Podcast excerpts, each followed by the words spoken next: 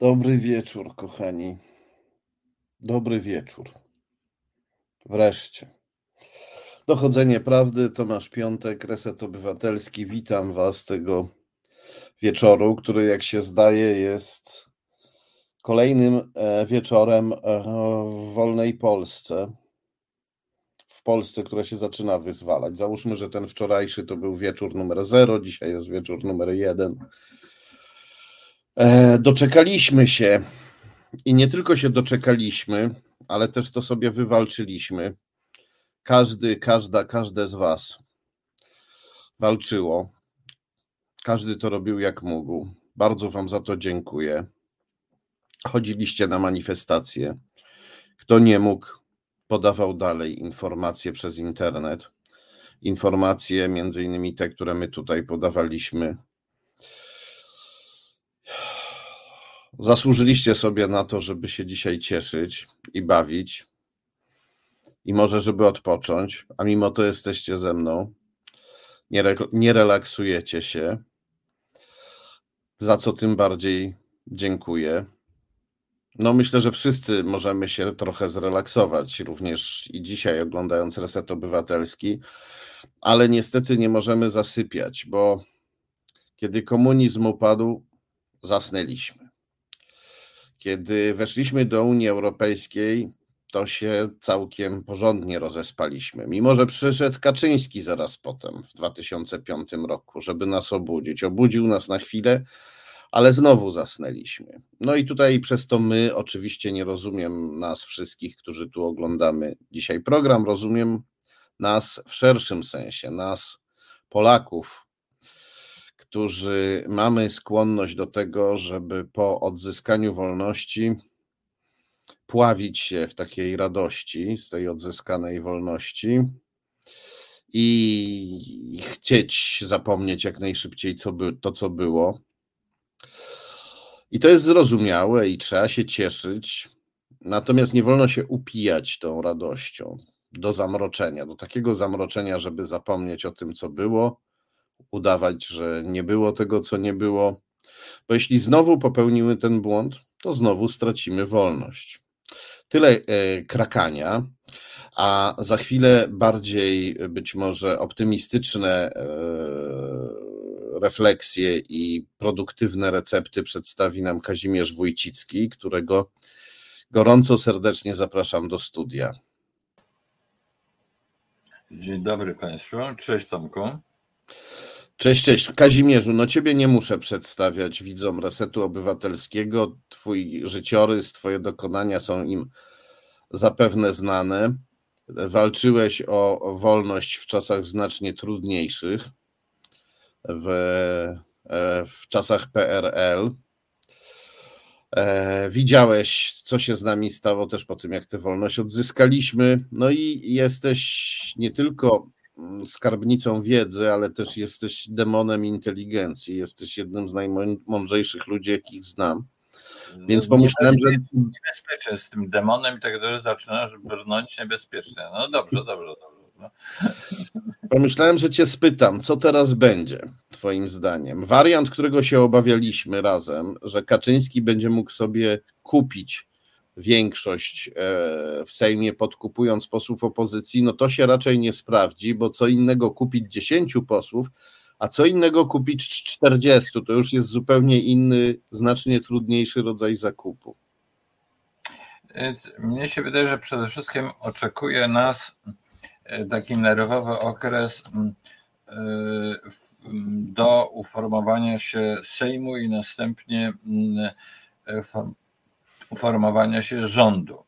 E, no, tego rządu, który może sformułować tylko mm, e, obecna opozycja, ale już e, potencjalnie większość, większość sejmowa.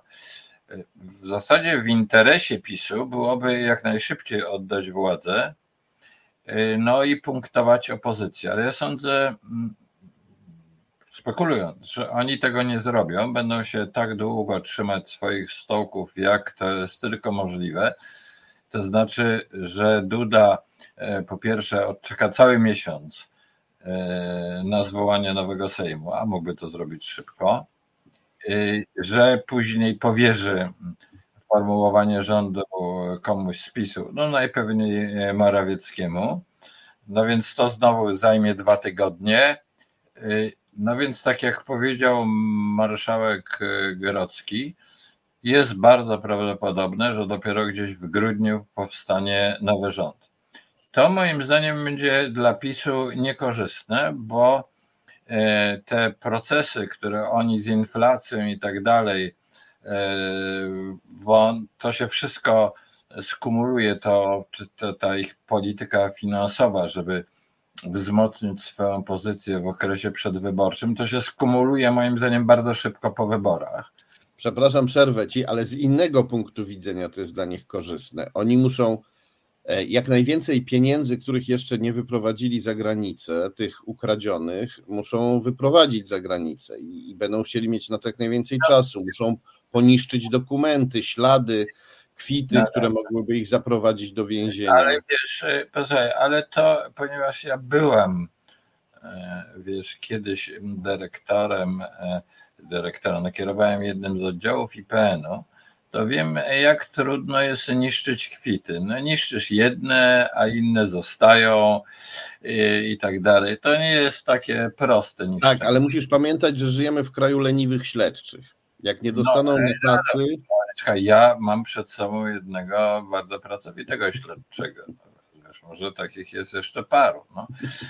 Natomiast y, y, y, Poza tym, ja sądzę, że w tej mm, formacji pisowskiej zapanuje jednak rodzaj paniki, bo to jest taka mm, y, o, o tej szerszej gronie wyborców będę mówił, y, też może podyskutujemy. Ja uważam, że to są ludzie przede wszystkim oszukani i teraz należy nawiązać z nimi dialog, zacząć z nimi rozmawiać, a nie demonstrować tem, temu szaremu E, często wyborcowi PiSu, że a, zwyciężyliśmy, masz, jaki byłeś głupi, to by było naprawdę nierozsądne.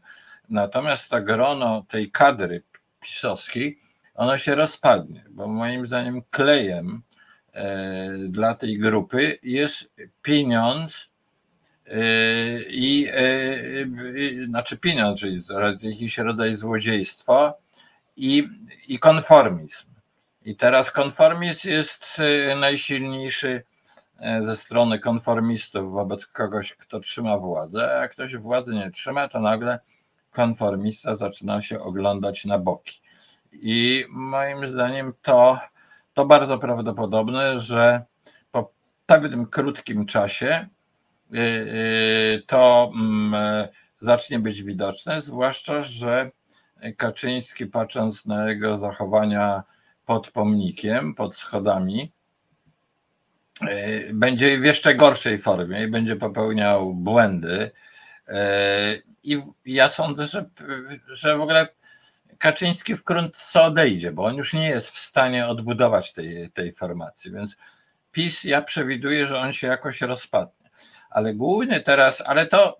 to ja, ja, nie, nie, ja się zgadzam z Twoją analizą, bo ona jest e, sensowna Natomiast e, PiS e, wielokrotnie miał już się kończyć i się nie rozpadał z tej przyczyny, że Kaczyński ma dosyć pieniędzy, żeby trzon działaczy przy sobie utrzymać. Teraz Ale pieniędzy państwowych. Pieniędzy nie, państwowych. tych, nie, nie, tych ze swoich nieruchomości zagrabionych jeszcze, czy, czy uzyskanych przy pomocy komunistów A. jeszcze na początku lat 90. Okay, to sądzę, że główne pieniądze PiSu to było na przykład z operacji Bajtek Orlen, obniżenie i podwyższenie, czy, czy podwyższenie, obniżenie cen benzyny.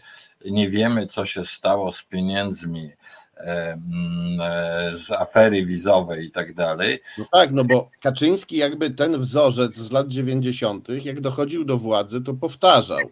I teraz też E, zagrabił dużo, prawdopodobnie użył też tych firm i fundacji, które ma, żeby część pieniędzy przepuścić. Potworzył nowe fundacje, które podostawały, jak wiemy, pieniądze, wille, różne prezenty. E, a na pewno część pieniędzy też wyekspediowano za granicę, na wypadek, gdyby śledczy jednak okazali się pracowici i chcieli no wiesz, coś po pierwsze jesteśmy w Unii, więc może Unia pomoże w takich rzeczach, a po drugie, ja bym powiedział tak, załóżmy, że bym był szefem fundacji, którą, e, do której wlał tak na zapas ze strachu, czy żeby się zabezpieczyć Kaczyński to ja sądzę, żebym mu się z tymi pieniędzmi urwał. No wiesz, no, e, więc to, to nie jest tak łatwo. Ale e, i to, tu dotykasz bardzo ciekawego tematu, bo Kaczyńskiemu się ci ludzie z pieniędzmi jakoś nie urywali. Nawet gdy próbowali, to potem jednak do niego wracali. Glapiński próbował odejść, Siwek próbował odejść i wszyscy wracali na e, łono Kaczyńskiego. On miał władzę. On miał władzę. No nie, nie, tak, wracali także wtedy, kiedy nie miał władzy. To jest. E... No nie, nie, nie zanurzajmy się w tą spekulację, bo to oczywiście jest ciekawe i ważne. E, ja myślę natomiast, że inny czynnik jest bardzo istotny. E, mm, e, oczywiście to, co mówiłem o zwróceniu się do wyborców PiSu, żeby. O, takie hasło już wiesz, ułożyłem już jak rozmawiałem z Jarkiem Szczepańskim dwie godziny temu w resecie, to takie hasło rzucam. Odbudowa demokracji przez dialog. Nie z tą kliką e, e, Kaczyńskiego, ale z wyborcą PiSu. Ja się tu zgadzam i muszę tutaj wszystkim widzom powiedzieć, że tym, co byłoby w mojej ocenie zbawienne, to jest taki manewr trudny do przeprowadzenia, bo to się trochę robimy coś, co się e, e, jakby e, rozjeżdża trochę. Idziemy jakby równocześnie w dwóch różnych kierunkach. My musimy być nie, nie tylko wybaczający, ale szukający pojednania z wyborcami PiS. Natomiast musimy być, w mojej ocenie, jak najsurowsi dla prowodyrów, dla przywódców dla tych, którzy tych wyborców oszukali, dla tych, którzy zdradzali, kradli, szkodzili i też no, mają krew na rękach, jeśli pomyślimy choćby o tych kobietach, które y, y, zmarły straszną śmiercią z powodu tego, że y, bawiono się prawem aborcyjnym. Bawiono się niewłaściwe słowo. W pełni z Tobą się zgadzam, tylko ja bym jakby zaczął od mm, takich bardzo konkretnych przestępstw, a nie ogólnych, które mogą robić wrażenie politycznych. Tylko pokazanie takich bardzo jakichś, wiesz, zwykłego złodziejstwa. No, w przypadku tego, co się działo na granicy i tego, co pokazała Agnieszka Holland, no, prawie dokumentalnym filmie, no to oczywiście jest bardzo ważne, jeśli chodzi o morale służb mundurowych i tak dalej, ale to też wybranie bardzo konkretnych i takich bardzo czytelnych przypadków. Przypomina mi się taki epizod mm, no, wrzucenia e, kobiety z dzieckiem do zimnej rzeki i tak dalej, i tak dalej. No, co było znane na długo przed e, Agnieszką Holland. Ja o tym słyszałem, kiedy tam e, pojechałem do Białego Stoku rozmawiać, oglądać, co tam się dzieje. Wtedy słyszałem takie rzeczy. Ale jest drugi aspekt, mianowicie ja bym powiedział, że teraz dopiero, tylko że nie potrafię e, tutaj ułożyć dobrego hasła i przychodzi mi jedno hasło, które oczywiście jest teraz nieadekwatne. Jedna lista. A mianowicie, moim zdaniem, e, dopiero teraz współpraca partii opozycyjnej nabiera ogromnego znaczenia. Ogromnego znaczenia. W ogóle uważam, że to będzie duża próba dla polskiej kultury politycznej i kultury politycznej. My, siły demokratyczne obermą rząd, będą e, rządzić i tak dalej, ale jakby to jest taki nowy punkt zero, nowy 89 rok do pewnego stopnia. I, I kwestia jest zastanowienia się, jak chcemy skonstruować polską politykę. I ten e, dąd, słynny dąd, o którym wszyscy mówili, e, moim zdaniem e, popycha do tego, żeby był to system no, dwupartyjny czy zbliżony do dwupartyjnego. I teraz ja uważam, że w ramach jednej partii, po pierwsze, trzeba zmienić absolutnie prawo o partiach politycznych. Nie może być nie jest możliwa partia, której status tworzy part, znaczy jest dla partii wodzowskiej. Nie jest to możliwe. To jest pierwsza rzecz. To bardzo ważny element. Wydaje się taki techniczny, ale bardzo istotny. A po drugie, uważam, że partia ideowa to jest partia, która nie ma wiele jak gdyby poglądów wewnątrz i pewien część, duża część dyskusji politycznej trwa wewnątrz partii politycznej, e, a później się przenosi na e, teren e, parlamentu już jakieś gotowe sądy się przenoszą, gotowe opinie tej partii. Ja uważam, że to jest bardzo, bardzo istotne. Ja nie widzę żadnego powodu, żeby nasza lewica nie była razem z partią Kosiniaka i Hołowni e, w jednej, większej formacji, na czele której no, niechby stał, no to tak wypada, no, Tusk. Więc to jest bardzo, e, bardzo istotne i to, co ja bym powiedział, że nawet bym apelował do tego, żeby zrezygnować już z tych wewnętrzno opozycyjnych animozji. Ja bym powiedział tak, mnie się Hołownia pod wieloma względami nie podobał i tak dalej. Ale ja muszę powiedzieć, że jeśli trzecia droga zdobyła 14%, no to osiągnęła pewien sukces. I przyznajmy im ten sukces. Ja sympatyzuję bardziej z Tuskiem. Uważam, że, uważam, że to jest autor tego sukcesu. Ale bez trzeciej drogi by się to nie odbyło. Więc ja, ja, bym, ja bym chciał, że bardzo jest trudny dialog z tą publicznością e, pisowską, ale przede wszystkim uruchommy ten dialog między e, sympatykami tych partii opozycyjnych. Znacznie intensywniej niż to dotychczas było. I zacznijmy rozmawiać e, o merytorycznych sprawach o merytorycznych sprawach, a tych merytorycznych spraw jest bez liku i jest bardzo trudno niektóre e, rozwiązać. Zacznijmy od prostych. Moim zdaniem stosunkowo prosto jest odbudować e, politykę zagraniczną. Starczy się po prostu normalnie zachowywać wobec Niemców. E, wobec z Ukrainą, no jest to sprawa zboża, ale to jest też do rozwiązania. No i starczy uruchomić te procesy, moim zdaniem, y, na reperowanie państwa prawa w takim stopniu, żeby Bruksela była traktowała nas no, poważnie, jako poważnego członka Unii Europejskiej, to jest możliwe, niezależnie od trudności z Przyłębską. To oczywiście to jest napływ tego planu Marszala dla Polski. I to są takie trzy punkty, które łatwo zrobić.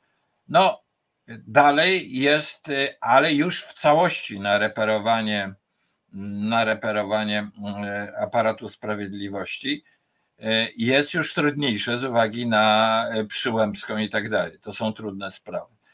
No dalej oczywiście znaczy- bardzo trudne jest kwestia odpowiedzialności konstytucyjnej, no bo to są e, takie znacznie trudniejsze sprawy, dlatego że dlatego zgadzając się z Tobą w 100%, uważam, że nale, najpierw należy uruchomić procesy dochodzenia prokuratorskie w takich prostych sprawach złodziejskich. Tak, tak, to na pewno, ale y, odpowiedzialność ewentualna karna, konstytucyjna Przyłębskiej to jedno, a druga rzecz to jest taka, że natychmiast należy ją i innych pseudosędziów z Trybunału y, no, zakazać im wstępu do tego budynku i pozbawić ich tego pseudostatusu. Poczekaj, bardzo chciałbym, żeby się tak stało, ale tutaj muszę powiedzieć, słuchałem prawników i chodzi o to, że odbudowując państwa prawa, należy też e, wszystkich tych zasad trudnych państwa prawa przestrzegać. I tu jest, ja po prostu nie mam zdania na ten temat. Nie jestem prawnikiem. E, jak rozmawiam z, rozmawiałem z paroma konstytucjonalistami, to po pierwsze oni mają różne zdania, a poza tym uważają problem za trudny. E, więc e, tutaj niewątpliwie opozycja napotka na bardzo mm, i, i mało tego. To wiesz, to jest wielki teatr będzie.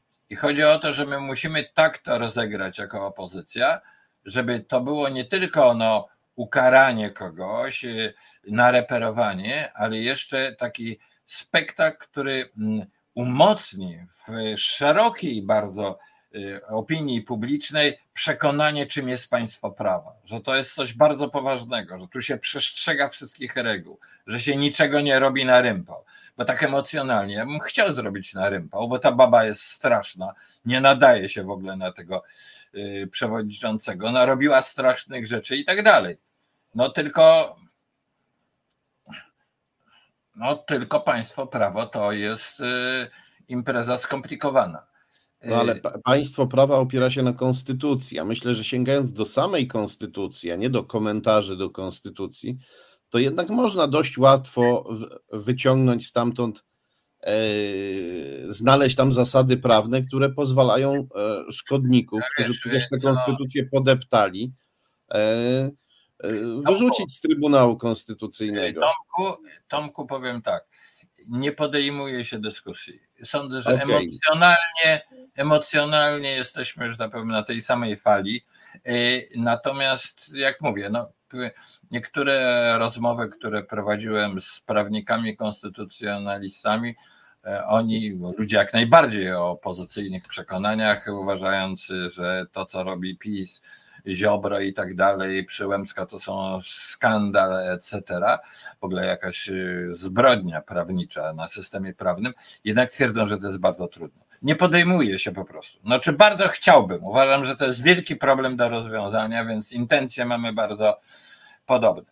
Ale y, ja bym powiedział, że, że mamy najprawdopodobniej miesiąc na taką bardzo poważną dyskusję co, y, co dalej. No bo to będzie ta pauza, bo moim zdaniem Duda będzie zwlekał ze zwołaniem Sejmu. A przepraszam, że ci przerwę, bo pojawiła się w mojej głowie myśl, kiedy powiedziałeś to, co powiedziałeś. A może zastosować taki fortel, nawet nie, nie do końca fortel, ale taki. Znaczy, e, czasem jest tak, że problem sam w sobie jest rozwiązaniem. Skoro kwestia Trybunału Konstytucyjnego jest tak trudna do rozwikłania, to zawieśmy jego działanie. I niech prawnicy, mądre głowy, niech deliberują, co z tym zrobić, jak to odkręcić, a my w tym czasie uchwalmy takie ustawy, które różni antypisowscy prawnicy, profesorowie Andrzejowie Zolowie, że ich tak nazwie, nazwę, E, mogliby nam blokować, także w przyszłym Trybunale Konstytucyjnym. Przede wszystkim uchwalmy prawo aborcyjne zezwalające na aborcję do trzeciego miesiąca ciąży podczas zawieszenia Trybunału Konstytucyjnego. Jeśli takie prawo zacznie funkcjonować i pofunkcjonuje przez rok czy przez dwa, to po odwieszeniu i e, stworzeniu nowego Trybunału Konstytucyjnego, nawet jeśli tam się pojawią starsi panowie konserwatyści, to będzie im znacznie trudniej już, że tak powiem, zawracać Wisłę kijem i znowu cofać nas do średniowiecza. Ale, ale Tomku, ponieważ Trybunał Konstytucyjny jest takim najwyższym organem prawnym, to trudno go zawiesić, bo na podstawie czego? Na podstawie tego, że go w tej chwili de facto nie ma, jest no, zepsuty. No wiesz, ale tu. Jest zepsuty. Tu ja wiem, ale tu. Jest zepsuty. Każdy, każdy prawnik się zgodzi, że jest zepsuty, bo jeśli powie ci, że nie jest zepsuty i dobrze działa, no to jest pisowcem, no a nie prawnikiem. A przepraszam, daj mi skończyć. A jeśli coś jest zepsute i psuje, to nie wolno tego stosować. I tutaj jakby z, z, punktu widzenia prawnego też można zastosować regułę użyteczności. Nie da się używać tego trybunału, nie wiadomo jak go naprawić, no to dopóki prawnicy nie wymyślą, jak go naprawić, będziemy musieli się bez Ale niego obywać. Nie dyskutujmy dalej, bo intencje mamy podobne, natomiast obawiam się, że e, to jest bardzo e, prawniczo bardzo trudne. Natomiast wyobrażam sobie co innego, że wszelkie prawo, e, ustawy, które są potrzebne, między innymi tą ustawę, którą żeś wymienił o mm, aborcji, Y, y, y, i tak dalej, należy po prostu uchwalać.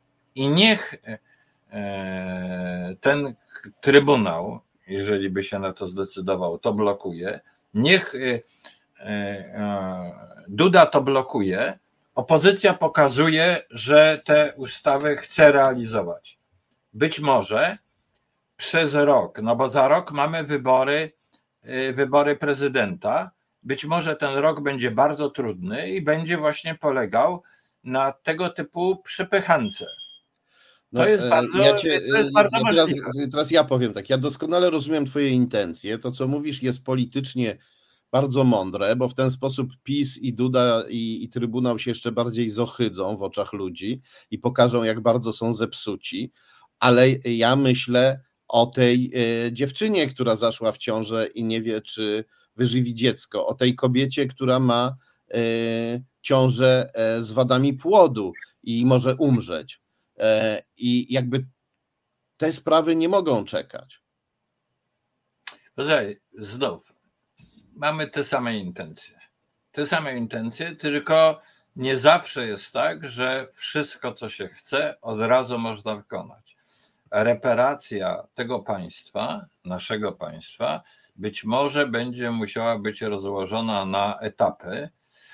E, w polityce czas odgrywa bardzo dużą rolę, tym bardziej, że być może, być może będzie tak, że mm, e, te, na przykład te słuszne i upragnione przez kobiety, w ogóle przez całą rozsądną część społeczeństwa, ustawy, najrozmaitsze zresztą nie tylko w tej sprawie, blokowane, przyczynią się jednocześnie do rozpadu PiSu, do dekompozycji PiSu. A widzisz, I ja, bo, bo groźba jest taka, bo groźba jest jednak taka, że opozycji, znaczy już rządzącej e, opozycji się nie uda i nagle te demony Konfederacji i PiSu się odrodzą. E, to też nie należy, bo też jest kadencja, cztery lata. E, niewykluczone, że różnie może postępować Duda. Duda może w jakiś sposób kombinować jakieś nowe wybory i tak dalej. Wątpię, żeby mu się to udało. Więc ja bym powiedział tak. To jest punkt zero, tak jak 89 rok, i my się od nowa uczymy polityki. I nie popełnijmy y, dawnych błędów. Nie popełnijmy, między innymi, nie popełnijmy tych błędów, które były popełnione po pierwszej e, no, e, kadencji PiSu, no, że niektórych ludzi trzeba ukarać, ale bardzo umiejętnie. Naprawdę tak, gdzie będzie to pokazane czarno na białym. Ukradł, jak zwykły złodziej. A nie za politykę. Za politykę to jest właśnie już bardzo znacznie trudniej jakby. No, a... Wiesz, y, y, y, tym bardziej, że zawsze jak się karze polityka za, za politykę, to zawsze jest to podejrzanie, jest to podejrzenie, jest to bardzo poważne podejrzenie, że, e, że jest to jakaś rodzaj zemsty politycznej i tak dalej. No, Tego, ale mówisz o jednostkach teraz, o karaniu wybranych jednostek. Ja się zgadzam. Przywódcy, ja, prowodyży powinni być, przepraszam cię, bo się przez chwilę Oni moja żona. Ja, i, słuchaj, obawiam się, że są drzwi zamknięte i, i ona nie może wejść. Bardzo Państwa przepraszam, dosłownie moment. Dobrze, dobrze. To ja w tym czasie e, powiem Państwu e, to, co próbowałem powiedzieć, kiedy u Kazimierza zaczął się alarm z drzwiami wejściowymi. Uważam, że e, mamy dość danych, żeby uznać PiS za organizację przestępczą. Co nie znaczy, że będziemy karać każdego członka PiS. Tak jak mówiłem, szeregowi wyborcy i nawet szeregowi członkowie PiS to są osoby oszukane, które e, wymagają, e, z którymi się trzeba w jakiś sposób pojednać po tym, jak e, one przyjmą do wiadomości, że zostały oszukane. Natomiast ja nie wyobrażam sobie, że będziemy tolerować w Polsce istnienie tej organizacji w dalszym ciągu, kiedy już wiemy, że ona jest przestępcza i mamy na to tysiące, tysiące przykładów. E, e, Kazimierzu, mówiłem o tym, że mamy dość. Słyszałem wszystko, co mówiłeś, więc ja się tylko z Tobą częściowo zgadzam, ale może nie w kategoriach zgadzania się i nie zgadzania, bo niewykluczone może być taki scenariusz, e, że w ogóle zakazywanie partii PiSu takiej partii, która jednak zdobywała tak ogromną ilość głosów, jest moim zdaniem trudne i ryzykowne. Być może jest, będzie tak, że ona zostanie, no ci, ta klika Kaczyńskiego e, zostanie, że tak powiem, wyrzucona, wypchnięta z tego i ten PiS przeobrazi się w jakimś powolnym proces w jakąś partię konserwatywną, zwłaszcza jeżeli będzie nowe prawo o partiach politycznych. Nie wiemy tego. To znaczy, wiesz, y, y, bardzo jest trudno zakazać, y, wiesz, partii, nazwać partię mm, no, przestępczą i tak dalej, organizacją przestępczą, jeżeli za nią głosowało 30% ludzi. Więc jak powiem, nie no, wykluczam. Przepraszam cię bardzo. Oszust, który oszukał y, miliony ludzi, no to jest dopiero przestępca. Nie, nie, no dobrze, to, ale to skazujesz tego oszusta. Więc... ale partia tutaj jest yy, yy, narzędziem tego oszusta. Yy, no, więc ja bym, wiesz, tutaj byłbym bardzo ostrożny.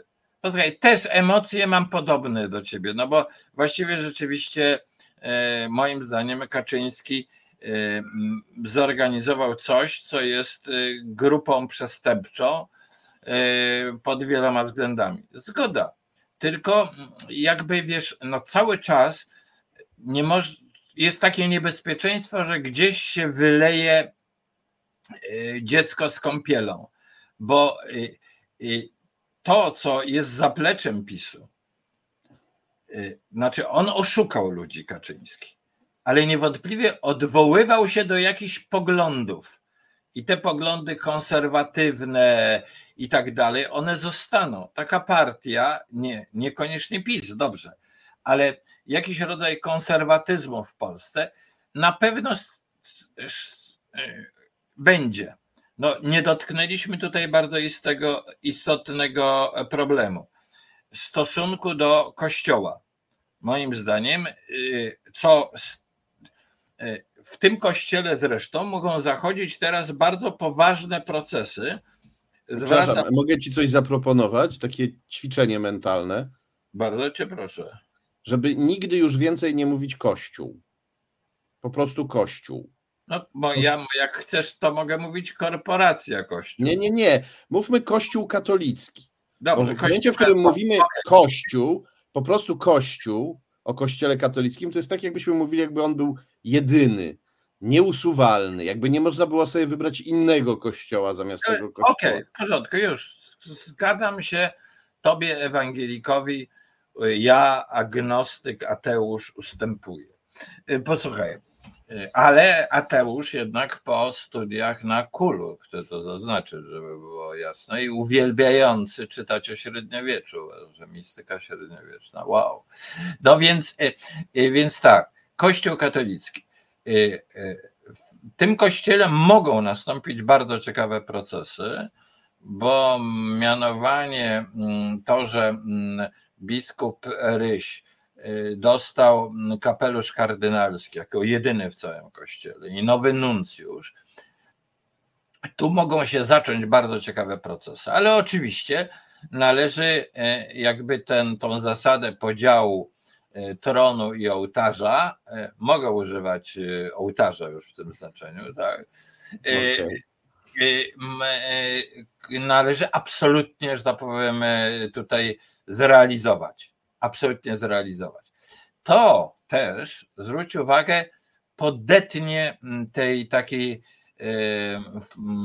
jakiejś dziwacznej ideologii PiSu skrzydła, bo ona się odwoływała do katolicyzmu w jakiś no, niebywały sposób. Przecież oni e, e, mieli Wojtyłę na sztandarach, a jednocześnie głosili rzeczy, które Y, znaczną częścią encykliki Wojtyły były absolutnie w sprzeczności. No I właśnie tu ci, tu ci przerwę, bo oni mają e, swój kościół katolicki, swoich księży, swoich ryzyków i, choćby nie wiem, jakich nam tutaj e, miłych kardynałów Rysiów nie tworzył Franciszek, to papież Franciszek, to oni będą mieć swoich zapiekle antyzachodnich, antynowoczesnych księży, którzy będą ich popierać. Będą sami ich finansować zresztą, tak jak Tomku, finansują ryzyko. Y, Tomku, i tak i nie. Oczywiście jakiś taki fundamentalny, zapiekły katolicyzm może istnieć, może być silny, albo może się tylko ostać na marginesie. To jest bardzo scentralizowana e, e, struktura. Jest kwestia e, wierności papieżowi. W tej chwili znaczna część tej prawicy politycznej jest w ogóle antywatykańska.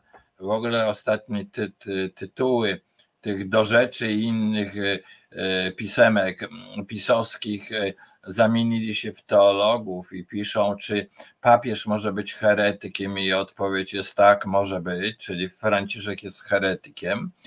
E, to wszystko jest podszyte takim szerszym miazmatem ideologicznym, że w ogóle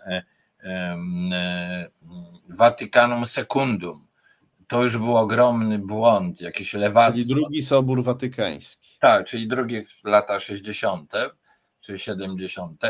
I więc y, y, y, te procesy mogą tutaj być bardzo powolne, jak to, jak to w Kościele katolickim, ale burzliwe, a jednocześnie podział tronu, tronu i ołtarza musi nastąpić, co jest związane również z kwestią pieniędzy. Ja jestem zwolennikiem, przebywając długo w Niemczech, E, mm, e, dłużej znacznie niż Tusk, więc to proszę ten. E, powiem tak, że ja bym był tu zwolennikiem podatku kościelnego. Po prostu ktoś jest wierzący, uważa, że ta instytucja ma swoją wartość, płaci, płaci podatek kościelny. A nie na przykład, że ja jestem niewierzący, i teraz y, jest jakiś fundusz kościelny, który jest płacony z moich podatków. Dlaczego? Tym bardziej, że dane wskazują, że 30% y, osób w Polsce deklaruje się jako niewierzących. No, nie podoba mi się ta kategoria niewierzący, ale wiemy o co chodzi.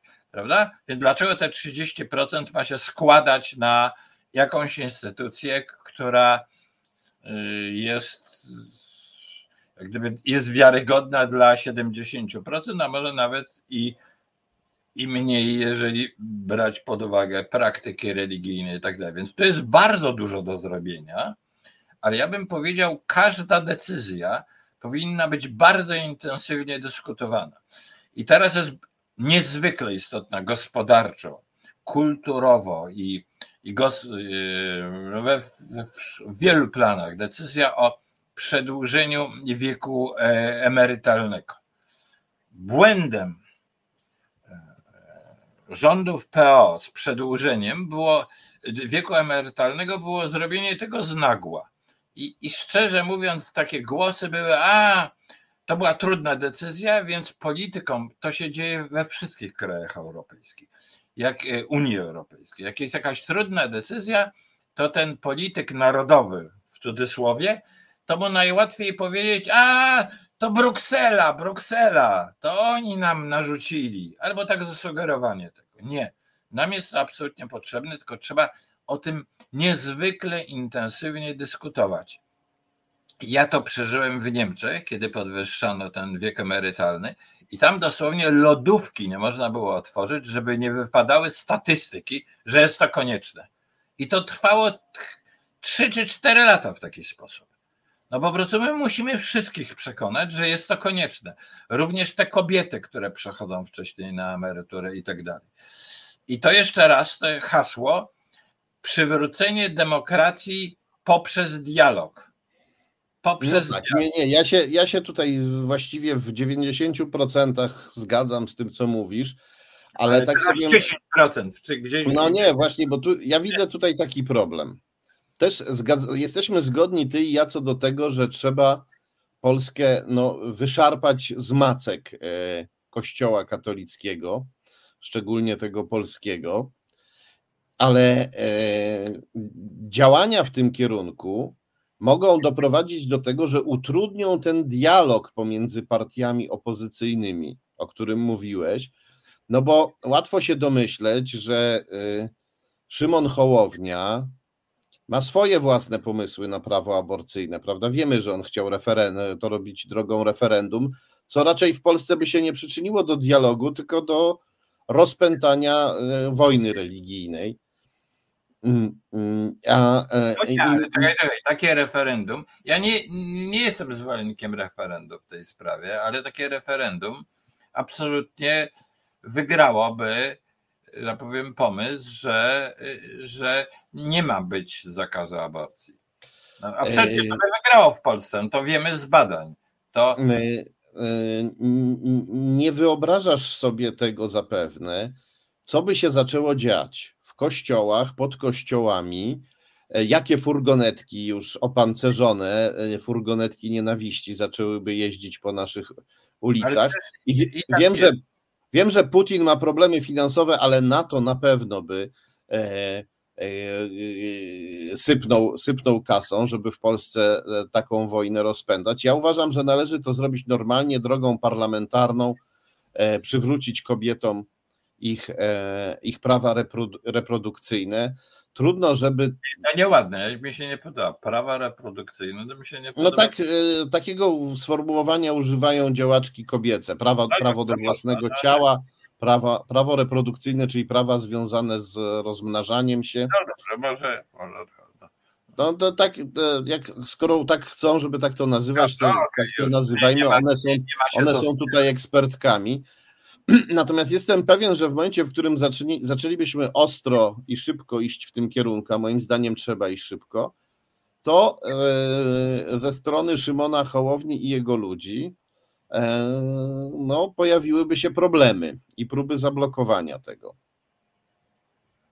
E, posłuchaj, mnie się wydaje, że to też jest kwestia, niezależnie od tego, że należy to zrobić szybko, Sądzę, że tu też jest kwestia w no, dialogu albo może w informacji. Ja na przykład, wiesz, bo to żeśmy robili w resecie, mm, e, mm, e, mówiliśmy o, były rozmowy z biologami pokazującymi, i był taki tytuł, że najwięcej aborcji dokonuje Pan Bóg.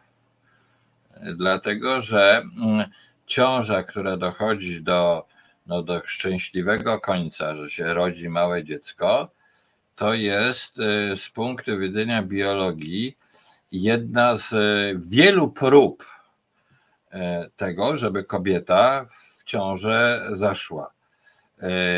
Bo to taka jest biologia po prostu. No, taka jest biologia. I w związku z czym, moim zdaniem, no po pierwsze, znacznie intensywniejsza dyskusja na ten temat. Ja wierzę w to, że bardzo wielu ludziom można wytłumaczyć to. Ponadto e, nie wiem, jakie są poglądy no, teologiczne i tak dalej Hołowni, ale przecież można argumentować w taki sposób. Jeżeli e, ktoś nie chce e, aborcji, bo uważa tak fundamentalnie, że to jest zabicie człowieka, to przecież nikt go do tego nie zmusza. Nikt go do tego nie zmusza. Więc e, i, i że można, jak gdyby ten pogląd można jak gdyby e, prezentować.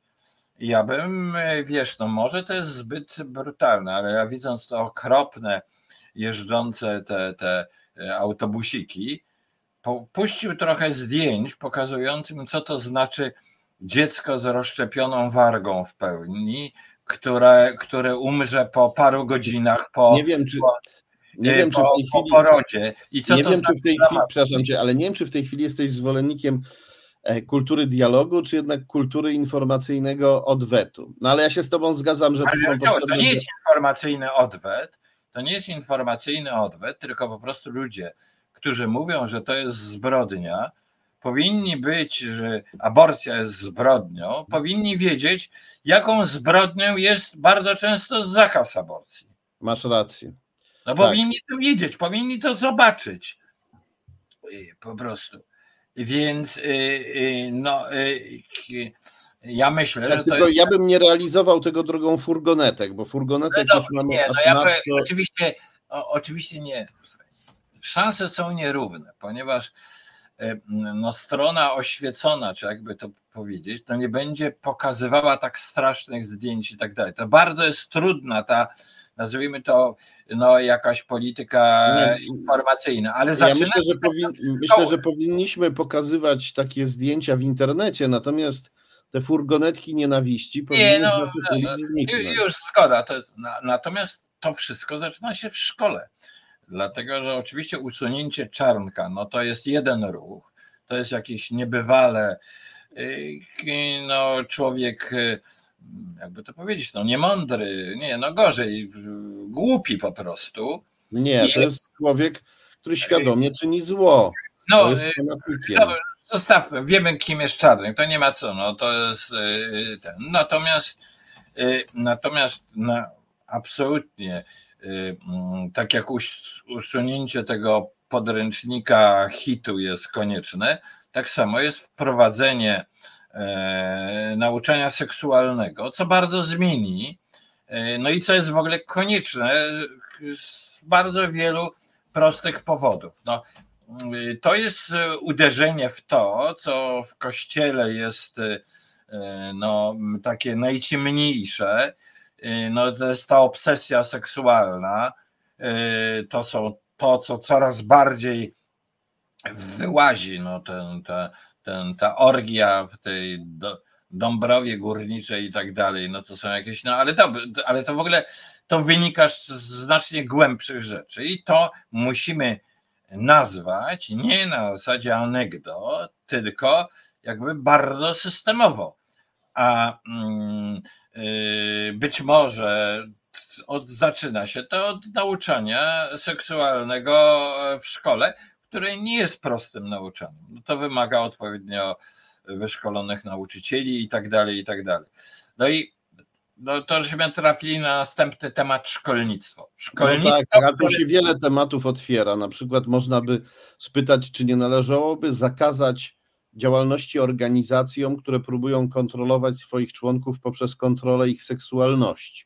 To też wielki temat, no, no bo wszystkie, prawie wszystkie sekty to robią. No tak, ale ja bym powiedział jeszcze jest jedno, ponieważ żeśmy natrafili na sprawę szkolnictwa, a mnie tak przepytujesz, to ja bym powiedział tak. Szkolnictwo zostało zaniedbane przez trzecią Rzeczypospolitą. Tą trzecią Rzeczypospolitą do 2015-16 roku. Zostało zaniedbane. I o szkolnictwo musimy absolutnie zadbać. O godność zawodu nauczyciela, o jego uposażenie materialne i, y, i teraz dalej. Powinniśmy mieć odwagę przeprowadzić bardzo poważną dyskusję o błędach III Rzeczpospolitej, której żeśmy tak. niestety nie przeprowadzili. I, o tak, y, żeby się tutaj nie zacząć zachwycać tylko tym, że jesteśmy fajni i zwyciężyliśmy. Tak. Jak widzisz, Dlatego, że ja uważam, że najpoważniejsze... Przepraszam Cię Kazimierzu, widzisz, że przecieram okulary? Y, chcesz coś lepiej zobaczyć w przyszłości, tak? Nie, no, przecieranie okularów znaczy, że zbliża się czas, kiedy będę pokazywać skany, więc musimy już naszą y, dyskusję, która mogłaby y, trwać tak, bardzo długo, ale musimy zakończyć. Powiem tylko tyle, że ta dyskusja o błędach nie musi wcale szkodzić opozycji, no, nie, rządowi, przyszłemu rządowi. Ona jest, uważam, konieczna, I mm, bo nie należy czego powtórzyć. Że my mądrzejsi żeśmy wygrali, a ci głupsi są w opozycji. Z takim no. typem dyskursu e, należy absolutnie e, zakończyć, że tak powiem. Bo, bo kiedy go stosujemy, to na końcu się okazuje, że my jesteśmy głupi, a oni sprytni. Już to a, tak. widzieliśmy. Okej, zostałem Y, powiedziałeś coś bardzo nieścisłego, że w Polsce nie ma śledczych, którzy potrafią wykrywać wszystkie afery, afery mm, e, PiSu.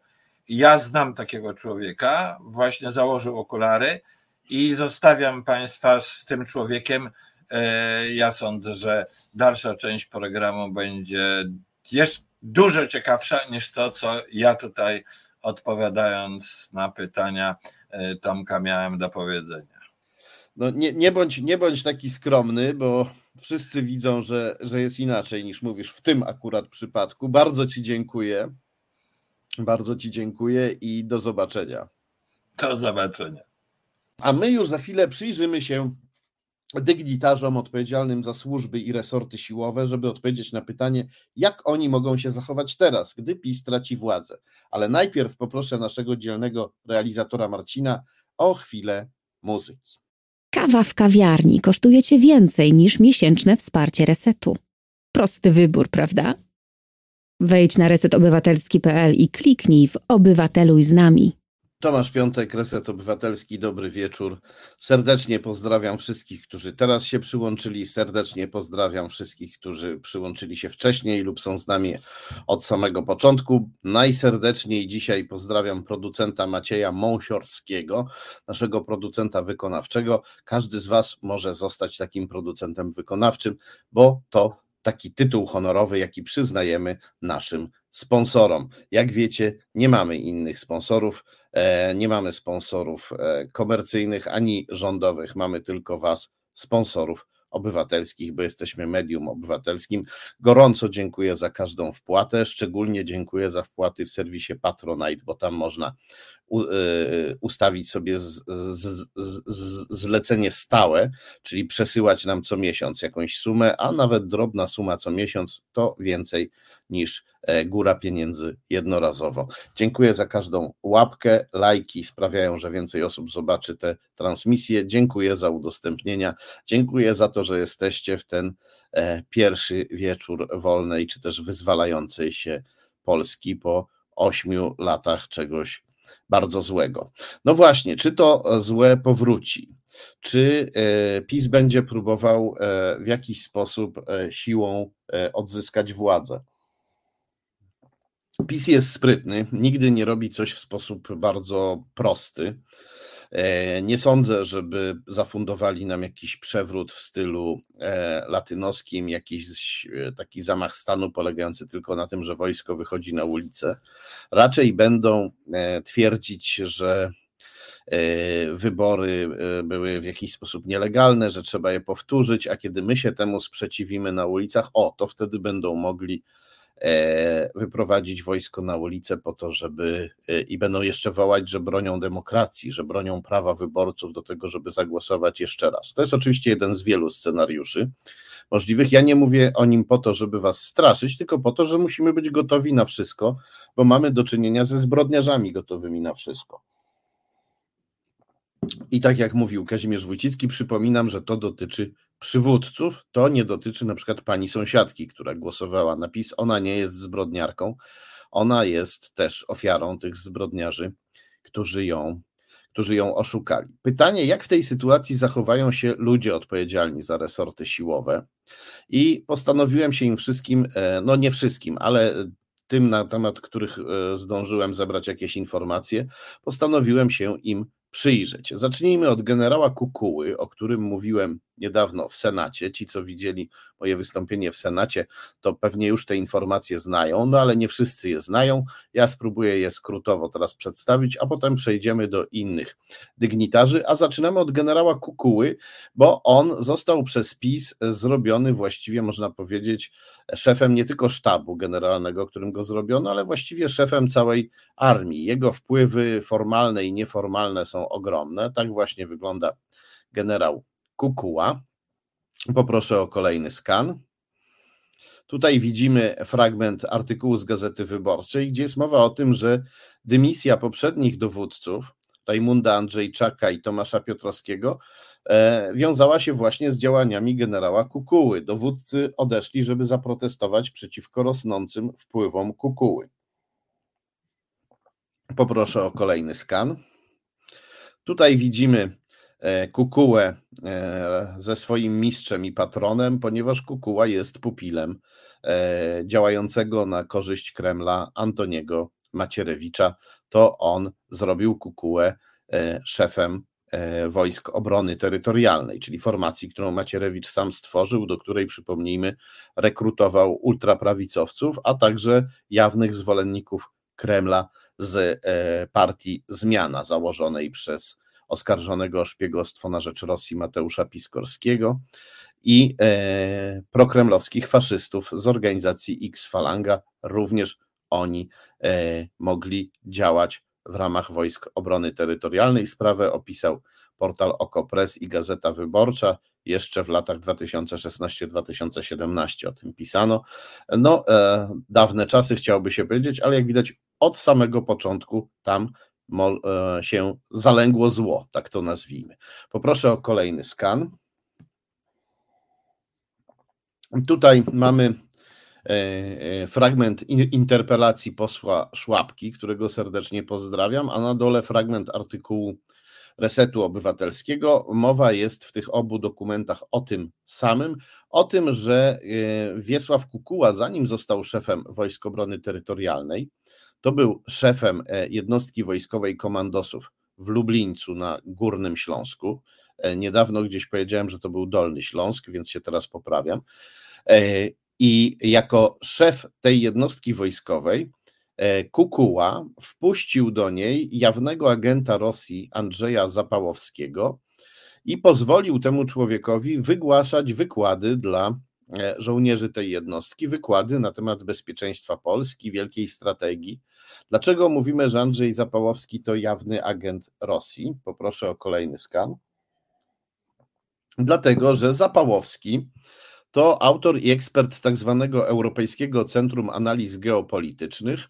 To organizacja ekspercka założona przez Mateusza Piskorskiego, szefa prokremlowskiej partii Zmiana, e, e, oskarżonego o szpiegostwo na rzecz Rosji, o którym już tutaj przed chwilą wspominaliśmy. Poproszę o kolejny skan.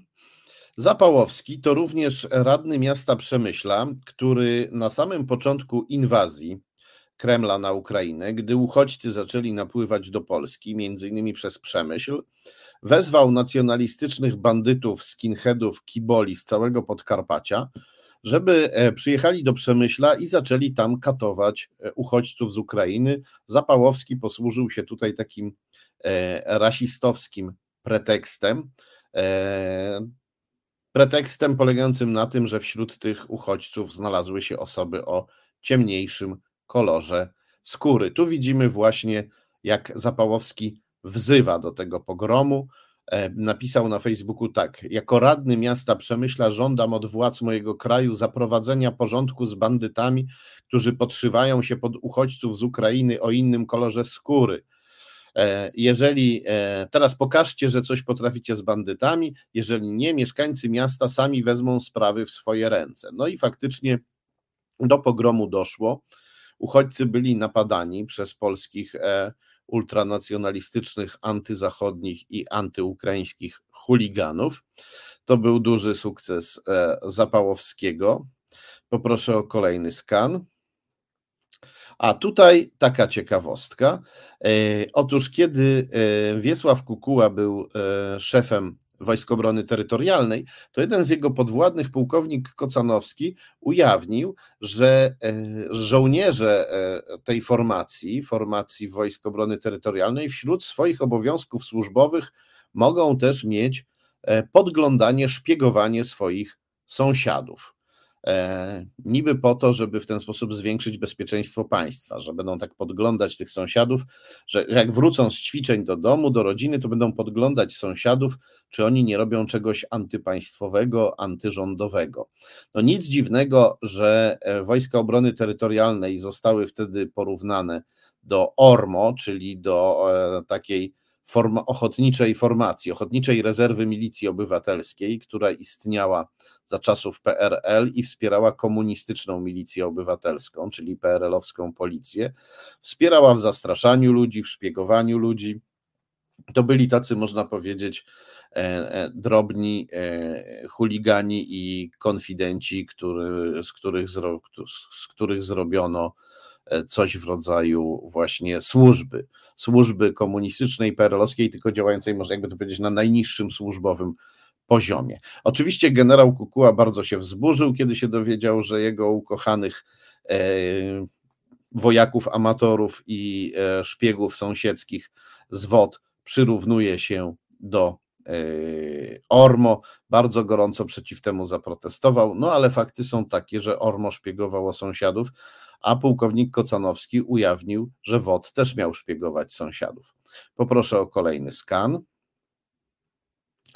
I tutaj bardzo taka ciekawa rzecz. Otóż widzimy tutaj nagłówki rosyjskich mediów, nagłówki i cytaty z rosyjskich putinowskich mediów, które e, również w naszych najbliższych nam czasach, czy w roku 2022, czyli w grudniu 2022 roku, nawet gdy e, trwała wojna e, w Ukrainie i reżim rosyjski oficjalnie przedstawiał Polskę pisowską jako swojego rzekomego rusofobicznego wroga, to jednak jednego z głównych żołnierzy tych, tego rzekomo wrogiego Rosji państwa, pisowskiego, czyli generała Kukułę, rosyjskie media przedstawiały w niezwykle życzliwym świetle, pokazywały go jako eksperta, jako autorytet, jako mądrego polskiego eksperta, który uczy się na rosyjskich doświadczeniach, który docenia rosyjski wkład w wojskowość, który e, docenia rosyjskie e, dokonania podczas e, wojny w Ukrainie.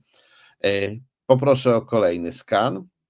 I e, w innym z rosyjskich mediów czytamy, że e, Wiesław Kukuła, tworząc polskie wojska obrony terytorialnej, szkolił je, miał je szkolić e, w oparciu o doświadczenia specnazu. Co to jest specnaz?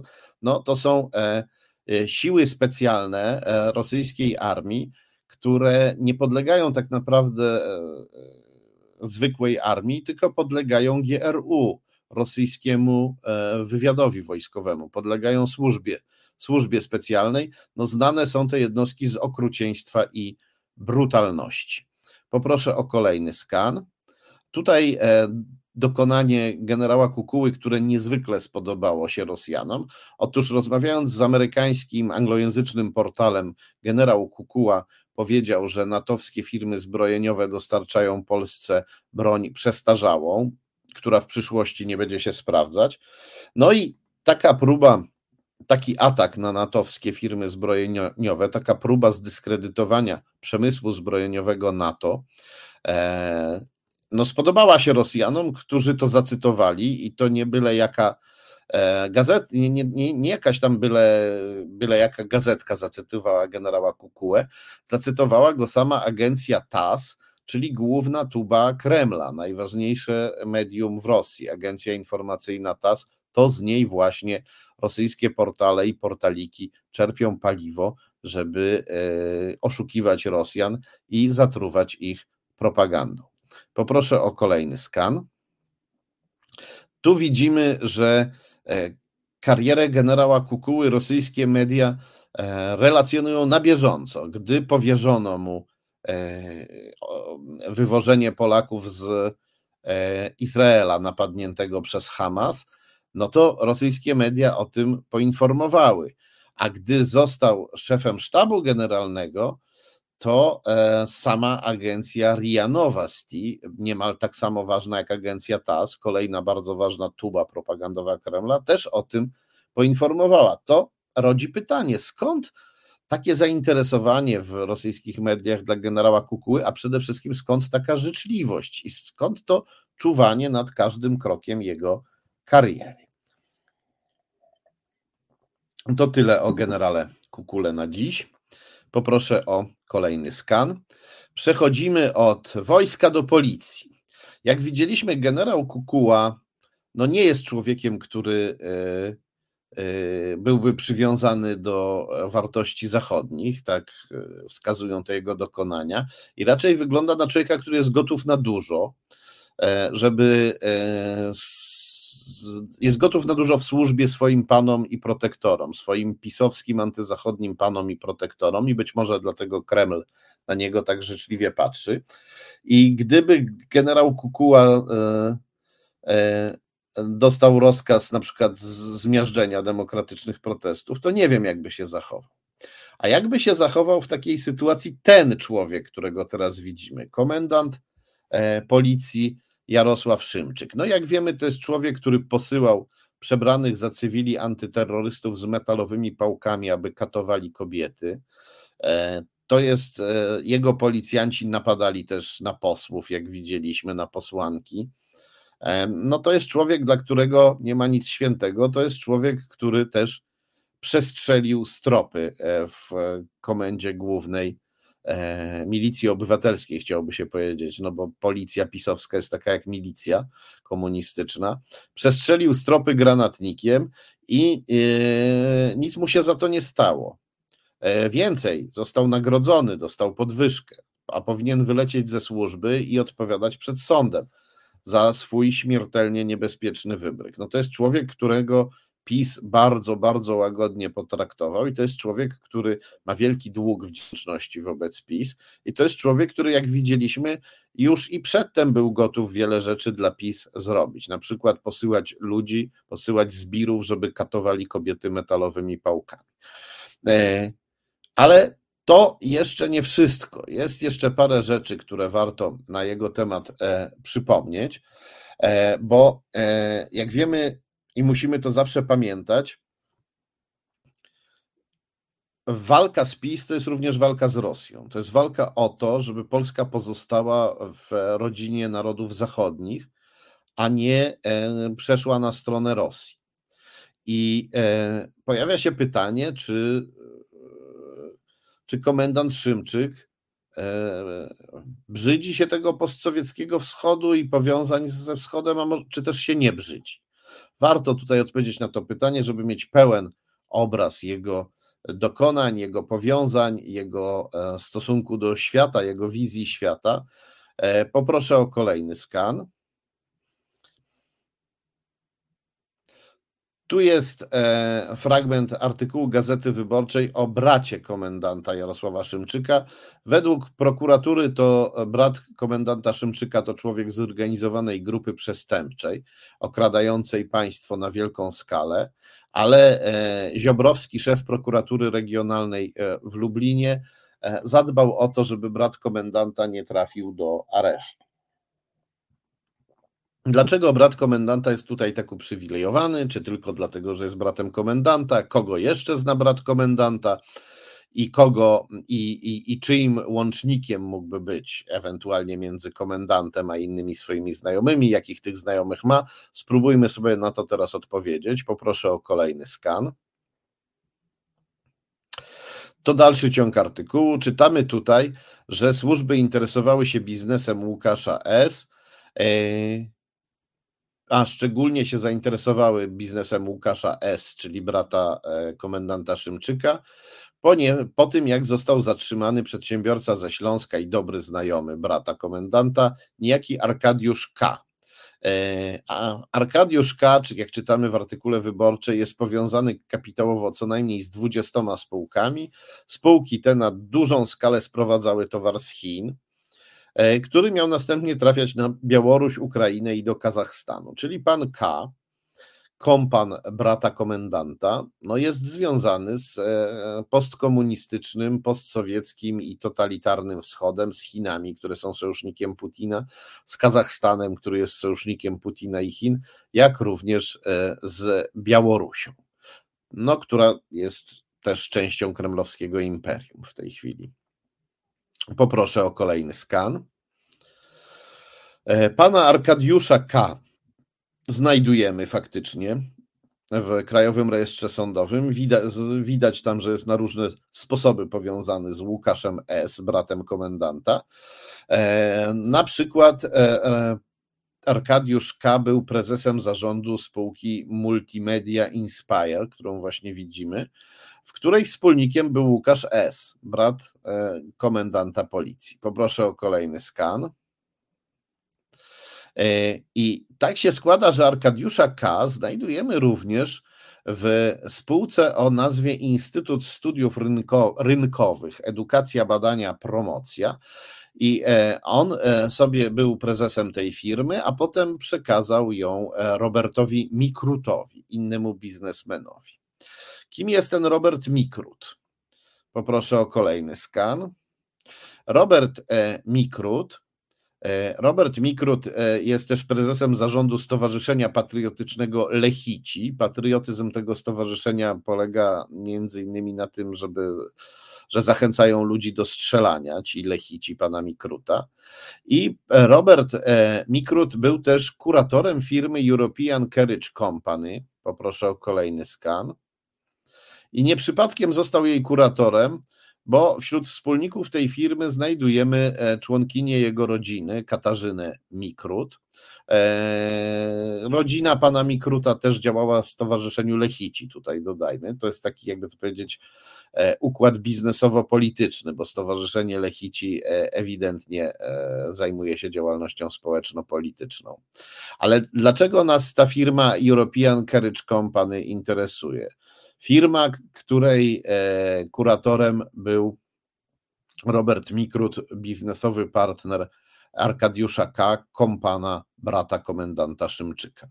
Dlatego, że w tej firmie, poproszę o kolejny. Nie, przepraszam, nie, wróćmy jeszcze, wróćmy, przepraszam, wróćmy do poprzedniego skanu, zagalopowałem się. W tej firmie nad e, panią Mikrut znajdujemy Andrzeja Izdebskiego. I teraz poproszę o następny skan. Andrzej Izdebski to ten pan po prawej, który temu panu po lewej, Łukaszowi, Łukaszowi Szumowskiemu, sprzedał sprzedał e, nie nadające się do użycia respiratory, z których część w ogóle zresztą nie dotarła do, e, do polskich, e, do, do, do, do Ministerstwa Zdrowia. Sprzedał ministrowi Łuka, zdrowia Łukaszowi Szumowskiemu te słynne respiratory, a potem zniknął w Albanii. Podobno umarł, ale nie wiemy, czy na pewno umarł. Między innymi dlatego nie wiemy, że pan Izdebski to bardzo niezwykły człowiek. Poproszę o następny skan o niezwykłym życiorysie, który być może się wcale jeszcze nie zakończył. E, tutaj mamy fragment artykułu wir, e, Wirtualnej Polski, gdzie czytamy, że e, pan Izdebski współpracował ze wspólnikami Wiktora Buta, najsłynniejszego chyba handlarza bronią, rosyjskiego handlarza bronią, który współpracował z rosyjskim wywiadem wojskowym GRU, o którym już wspominaliśmy. Poproszę o kolejny skan. Tak właśnie wygląda pan e, Wiktor But. Tak wyglądał, kiedy go e, prowadzili e, policjanci antyterroryści. Był bardzo strzeżony. Został aresztowany w Tajlandii i wydany do Stanów Zjednoczonych. Potem Rosjanie wymienili go na sportsmenkę, którą zaaresztowali, amerykańską sportsmenkę, którą zaaresztowali, prawdopodobnie tylko po to, żeby wymienić ją na buta, But to jeden z bardzo, But to bardzo ważny człowiek dla e, wywiadu wojskowego Kremla, dla wywiadu wojskowego GRU. I poproszę o kolejny skan, albowiem przechodzimy teraz do, od policji, przechodzimy do Ministerstwa Spraw Wewnętrznych, gdzie wiceministrem i szarą eminencją, chciałby się powiedzieć, a na pewno bardzo ważnym człowiekiem odpowiedzialnym też za kwestie E, cybernetyki, komunikacji, propagandy, dezinformacji e, jest ten człowiek, wiceminister Paweł Szefernaker, e, urodzony w Szczecinie, względnie jeszcze młody człowiek. Poproszę o kolejny skan. Tak, tutaj nasz komentator Gargantua nazywa go Schachermacher, bo tak jest nazywany na Pomorzu Zachodnim, gdzie dał się ludziom we znaki. Tu mamy fragment artykułu z 2015 roku, gdzie jest mowa o tym, że armia internetowych trolli e, zalewa komentarze spamem, że pojawia się hejt przeciwko Bronisławowi Komorowskiemu, który wówczas był prezydentem. Trolle atakują e, Komorowskiego i wychwalają Dudę, a odpowiada za to Szefernaker, który w rozmowie z dziennikarzem Kamilem Sikorą e, poniekąd się do tego przyznaje. Poproszę o kolejny skan. Tutaj mamy znowu artykuł z wyborczej, gdzie czytamy, że e, fałszywe konta internetowe produkujące fałszywe wpisy e, zapewnił e, sztabowi wyborczemu Andrzeja Dudy, zapewniła firma El Chupacabra, która dostała za to pieniądze. Poproszę o następny skan. Tutaj Paweł Szefernaker w dalszym ciągu tego artykułu z Gazety Wyborczej przyznaje, że współpracował z firmą El Chupacabra i nie chce powiedzieć, dlaczego się z nią rozstał. Dziennikarze wyborczej podejrzewali, że, e, e, rozstano, e, że rozstanie z firmą El Chupacabra miało zatuszować intensywny charakter współpracy z tą właśnie firmą. Z firmą, która dostarczała, która produkowała fałszywe konta, produkujące fałszywe wpisy, e, hejtujące Bronisława Komorowskiego i zachwycające się Andrzejem e, Dudą. Poproszę o kolejny skan. E, tutaj czytamy, że e, firmę El Chupacabra założył Piotr Sulima, były asystent Adama Bielana, co do którego nawet pisowski wiceminister, pisowski, były, były pisowski wiceminister Jacek Żalek przyznał, że e, Bielan jest w biznesowym układzie z oligarchami i dygnitarzami Kremla. Sprawę opisywał bardzo e, dokładnie i rzetelnie Grzegorz Rzeczkowski w Newsweeku. Ale to nie koniec interesujących powiązań pana Piotra Sulimy, który pracował dla Pawła e, Schachermachera, chciałem powiedzieć, Szefernakera, wiceministra spraw wewnętrznych obecnie. Poproszę o kolejny skan. E, gdy wejdziemy na stronę w serwisie rejestr.io poświęconą panu Sulimie, to zobaczymy, że był nie tylko prezesem El, firmy El Chupacabra, fir, fir, firmy e, profesjonalnie i automatycznie trollującej dla PiSu, ale był też e, członkiem rady nadzorczej firmy Eleven Beat Studios. Widzimy ją tutaj na dole tego skanu. A ta firma, poproszę o następny skan, krótko po tym, jak pan Sulima się zasłużył dla PiSu i dla Pawła Szefernakera, krótko po tym ta e, firma Y, ta firma dostała wielkie zlecenie w Chinach, zaczęła współpracować z największą chińską firmą branży gier komputerowych. E, to jest bardzo interesujące, ponieważ firma, e, pomagając Szefernakerowi, pomogła też Dudzie, a e, związki Dudy z chińskim reżimem zostały dokładnie opisane w tej książce Duda i jego tajemnice. Tych związków jest wiele i również sprawa firmy El Chupacabra jest w tej książce dość dokładnie opisana. Zachęcam tych, którzy jeszcze nie przeczytali, żeby się z tą sprawą zapoznać. No, jak widać, tutaj pan e, Szefernaker też raczej skrupułów nie ma i gdyby mu się to opłaciło, to prawdopodobnie nie y, położyłby się jak Rejtan na progu, żeby bronić Polski przed wyrwaniem jej ze struktur Zachodu, przed przeobrażeniem Polski w drugą autorytarną Białoruś. Jak widać, on nie ma nic przeciwko brutalnej polityce i powiązaniom ze wschodem. Poproszę o kolejny skan. O, ten człowiek, ten pan z czerwonymi oczami to Ernest Bejda, prawa ręka Mariusza Kamińskiego w pisowskiej policji politycznej CBA. E, warto zapamiętać tę twarz i te nazwisko. Poproszę o kolejny skan.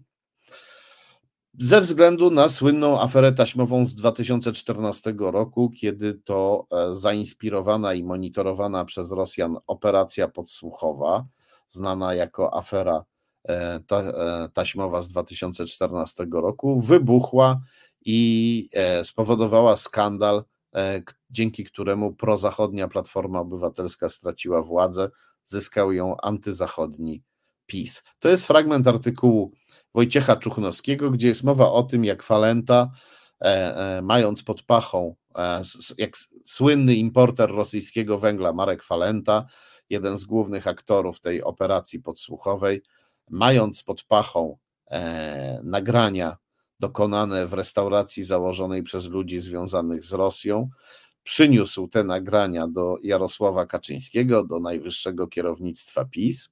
I co się wtedy stało? Poproszę o kolejny skan. W dalszym ciągu artykułu czytamy, że e, Falentę Kaczyński i jego ludzie kazali sprawdzić właśnie Ernestowi Bejdzie. No i tutaj bardzo ciekawe musiało być to sprawdzenie. Bejda miał sprawdzić, czy te taśmy są prawdziwe, miał sprawdzić, z jakich źródeł one pochodzą. No nie mógł e, zapewne nie zauważyć, że Falenta importuje ogromne ilości węgla z Rosji, no bo Falenta figurował jako e, szef firmy Składy Węgla, jako jej właściciel i, a, jako jej wspólnik, a ta firma importowała właśnie węgiel z Rosji na potęgę. Falenta się z Rosjanami w tej sprawie też kontaktował. No, pan Bejda musiał to wiedzieć, musiał to zauważyć, ale jednak nie przeszkodziło to mu ani Kaczyńskiemu w wykorzystaniu tych taśm Falenty, które przekazano zaprzyjaźnionym tygodnikom mającym również powiązania z Rosją. O tych powiązaniach z kolei pisałem w książce e, Morawiecki i jego tajemnice. Zostały te powiązania potwierdzone przez sąd. E, e, no, książka też jest, stanowi, spora część tej książki no, udowadnia, że afera taśmowa była dziełem Rosjan, a jeszcze lepiej to udowodnił Grzegorz Rzeczkowski w świetnej książce Obcym alfabetem którą też bardzo potwierdzam. No ale wracamy teraz do pana Bejdy, bo tak się osobliwie składa, że pan Bejda, poproszę o kolejny skan. Pan Bejda prowadził kancelarię prawną razem z niejakim Krystianem Przybyszem. A jak się popatrzy w rejestry biznesowe, to tutaj widzimy właśnie fragment e, strony z serwisu rejestry IO dotyczącej tej kancelarii pana Bejdy. Pan Bejda e, figuruje tu jako członek organu reprezentacji tej kancelarii, a pan Przybysz na górze jako wspólnik. No i kiedy się dalej zagląda w te rejestry biznesowe, to co widzimy? Poproszę o kolejny skan. Widzimy, że Krystian Przybysz e, prowadził też biznesy, był też prokurentem firmy One World Trading Group, czyli jakby grupa handlowa jednego świata. Piękna nazwa. Może trochę niepokojąca, no ale piękna. Poproszę o kolejny skan. E, w e, rejestrach biznesowych widać, że jest to firma zarejestrowana w Zgorzelcu, e, co właśnie widzimy na, na tym skanie, który teraz się przed nami pojawił. Poproszę o następny skan. I widzimy też, że prezeską i wspólniczką tej firmy była pani o nazwisku Vera Lock. Lock pisane L-O-C-K-E. Czytam Lok, bo jest to e, nazwisko e, angielskie. Skąd to wiem? A e, z prasy niemieckiej, między innymi z Der Spiegel, z tygodnika Der Spiegel, gdzie przeczytałem, że pani Vera, że pani Vera wywodzi się ze Zgorzelca, a nie do końca ze Zgorzelca, bo jej rodzice przybyli z Rosji po wojnie, wtedy, kiedy e, do Zgorzelca przybywali żołnierze. No i tak się składa, że e, w Zgorzelcu stacjonowała Armia Czerwona jeszcze w 1958 roku, a pani Wera, czy też Wiera, urodziła się w 1949 roku, więc mogła, jej rodzice mogli się tam pojawić razem z e, Armią Czerwoną, z Armią Sowiecką. E, ci rodzice, co przybyli, co przybyli z Rosji. I tak się składa, że pani Vera Lok robi biznesy w dawnym NRD, w dawnych komunistycznych Niemczech Wschodnich, aczkolwiek te biznesy sięgają czasem archipelagu hawajskiego, bo stamtąd pochodzi jej mąż, więc chyba na, tak się przedstawia ten e, e, one world, czyli jeden świat, w którym pani Vera Lok e, prowadzi swoje biznesy. E, korzenie ma w Rosji, a przez Niemcy Wschodnie sięga aż do Hawajów. Próbowałem dowiedzieć się czegoś więcej o pani Werze, czy też Wierze Lok, która, przy, której rodzice przybyli z Rosji, a która działa w Zgorzelcu i w dawnym NRD, w dawnych komunistycznych Niemczech Wschodnich. Bardzo to tajemnicza osoba.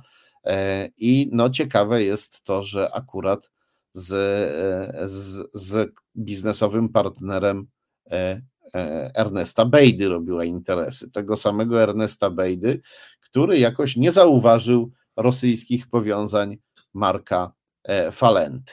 Być może przypadek, być może nie.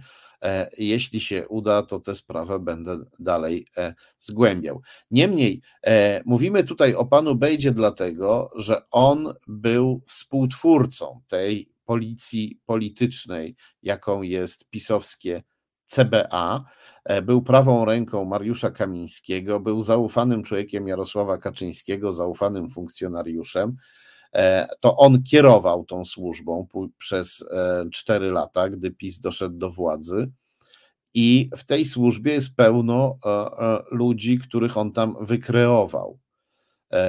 I sądząc po tym, jaką postawę przyjął ich mistrz i protektor Ernest Bejda, to nie, to, to nie sądzę, żeby ci funkcjonariusze CBA związani z Ernestem Bejdą jakoś oponowali, kiedy e, jeśli Kaczyński w przyszłości zechce ich wykorzystać do e, atakowania demokratycznej opozycji, która teraz przejmuje władzę, do atakowania demokratycznej opozycji, do zarzucania jej fałszywymi oskarżeniami o rzekomą korupcję, po to, żeby po, w Polsce przywrócić autorytaryzm i po to, żeby Polskę przeciągnąć na wschód. Jeśli w CBA dominują pupile pana Bejdy, którzy myślą tak jak on, zachowują się tak jak on i e, nie mają wstrętu do dziwnych powiązań sięgających wschodu i umieją w odpowiedniej chwili przeoczyć rosyjskiego agenta, kiedy trzeba, no to e, obawiam się, że również CBA tutaj żadnej, e, żadnej zapory Kaczyńskiemu nie stawi, gdyby chciał on nielegalnie odzyskać władzę, a raczej będzie jego narzędziem. Poproszę o kolejny skan. Przejdźmy do komisji sejmowych, które odpowiadają za obronę narodową i za służby specjalne.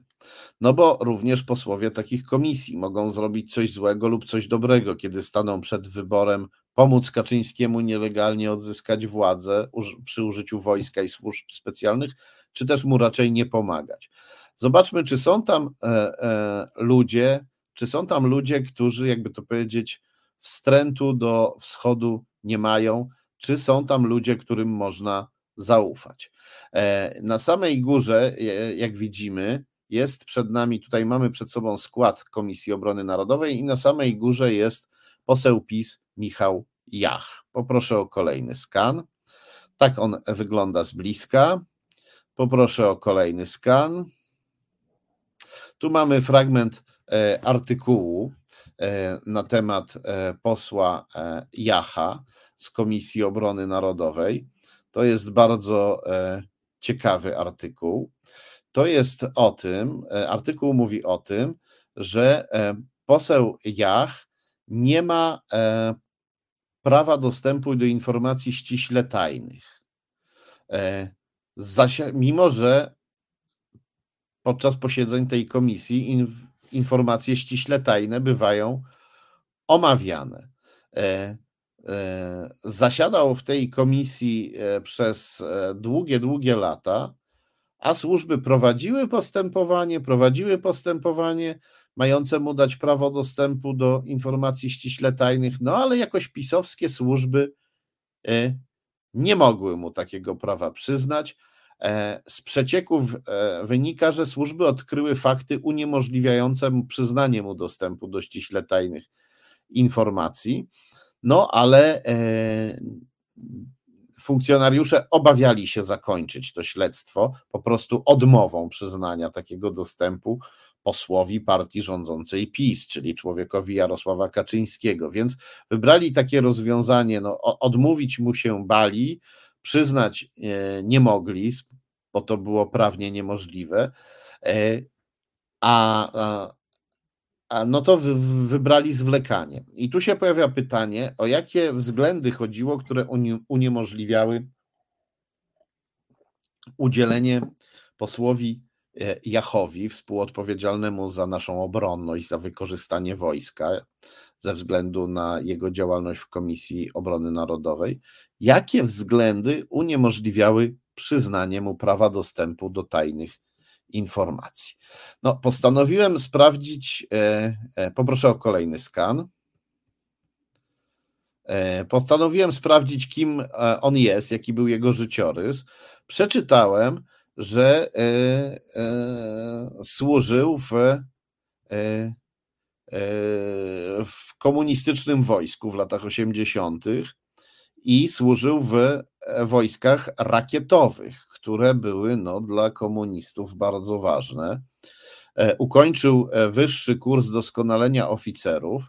No to sobie pomyślałem, kiedy to przeczytałem, że no, że na pewno dużo jest o nim w Instytucie Pamięci Narodowej, no bo każdy żołnierz był e, pilnowany przez e, wojskową służbę wewnętrzną, czyli przez wojskową bezpiekę i kontrwywiad PRL.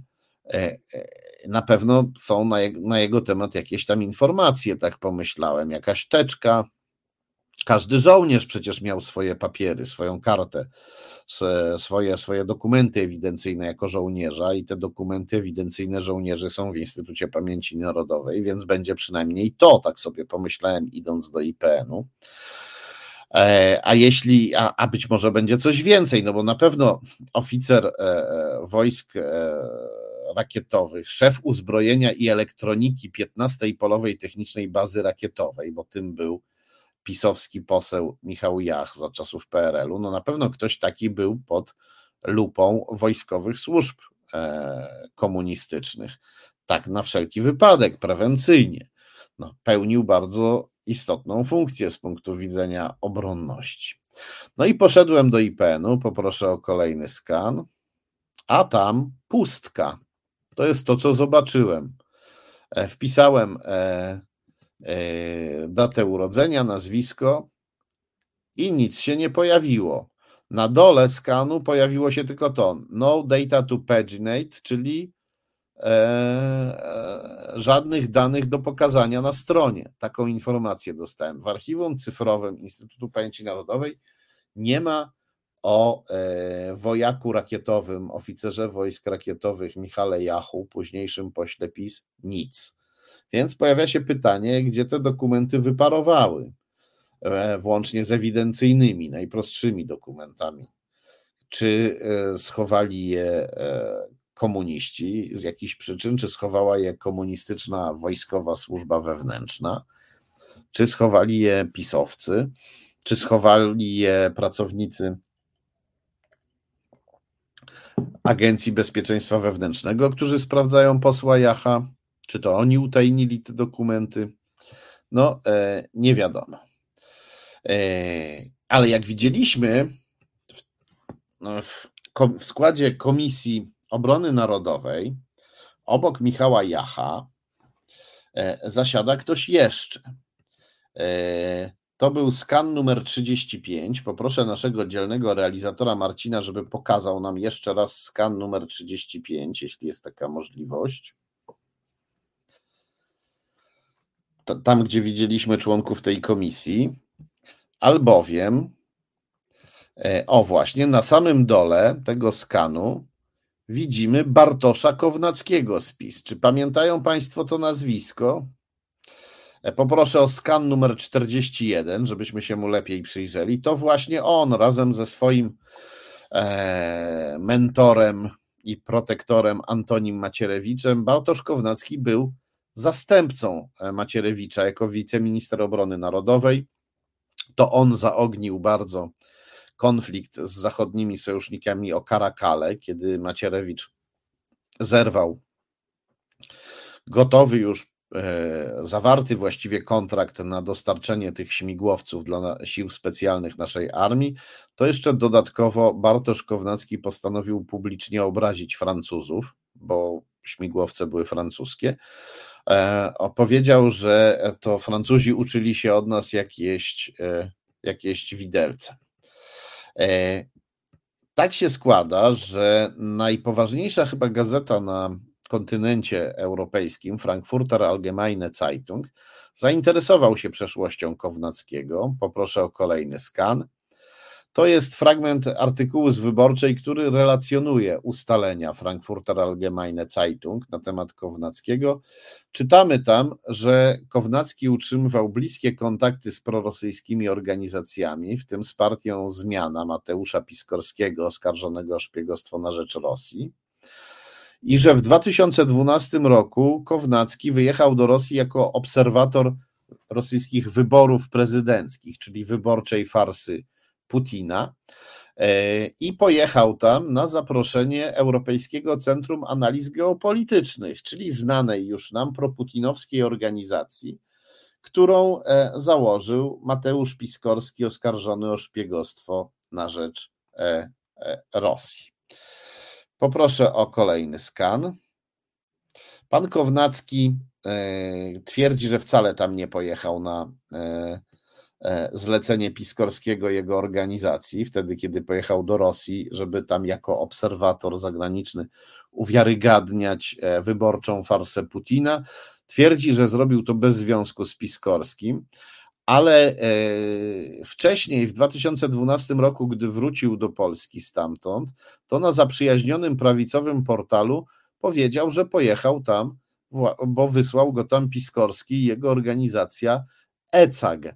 I e, w 2017 roku, po odkryciach Frankfurter Allgemeine Zeitung, ten sam e, prawicowy portal usunął te informacje. Dopiero wtedy. E, jak widzimy tutaj, mamy tutaj kolejny przed nami artykuł Gazety Wyborczej na ten temat z nagłówkiem Prawicowy portal kasuje newsa, kto wysłał Kownackiego do Rosji. Przy okazji e, wyborcza odnotowała, że Kownacki chwalił niektóre aspekty wyborczej farsy Putina. Powiedział, że Putin nie musiał fałszować wyborów, i powiedział, że sam akt głosowania w Rosji jest bardziej zabezpieczony niż w Polsce. Poproszę o kolejny skan. To dalszy ciąg tego artykułu, gdzie czytamy, że tekst we wcześniejszych wersjach e, e, zaczynał się od słów w imieniu Europejskiego Centrum Analiz Geopolitycznych rosyjskie wybory obserwował poseł Bartosz Kownacki. I tekst, e, artykuł mówi dalej, że informatycy i internauci znaleźli liczne ślady świadczące o tym, że tak brzmiała pierwotna wersja tego e, artykułu. E, poproszę o kolejny skan. I teraz przechodzimy do e, Komisji Służb Specjalnych.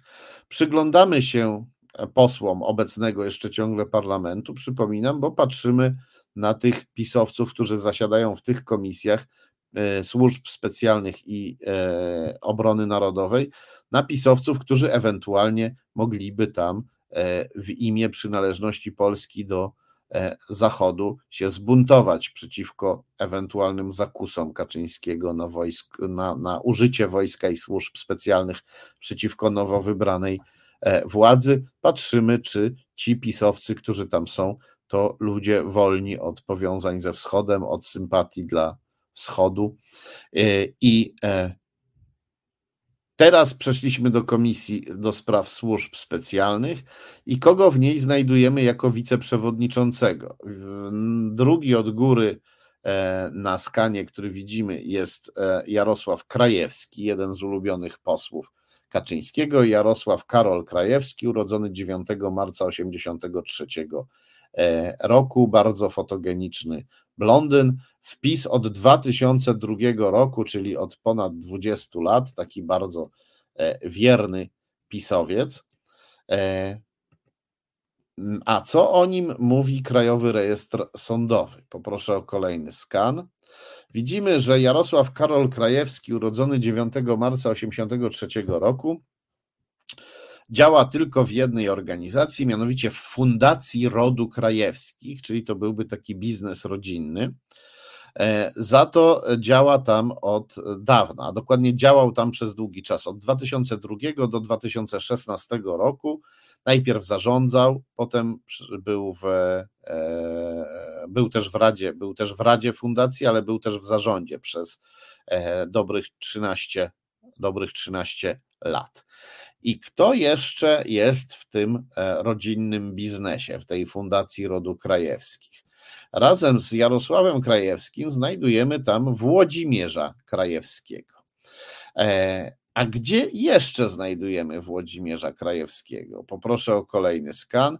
Włodzimierza Krajewskiego znajdujemy w organizacji Towarzystwo Polsko-Koreańskie. Tego samego Włodzimierza Krajewskiego, który, jak widać, jest jakimś nestorem rodu Krajewskich i e, zajmuje się tym rodzinnym biznesem razem z posłem PiS Jarosławem Krajewskim. E, czym jest Towarzystwo Polsko-Koreańskie, w którym widzimy Włodzimierza Krajewskiego, widzimy go tam razem z niejakim Jackiem Poniewierskim. Poproszę o kolejny skan.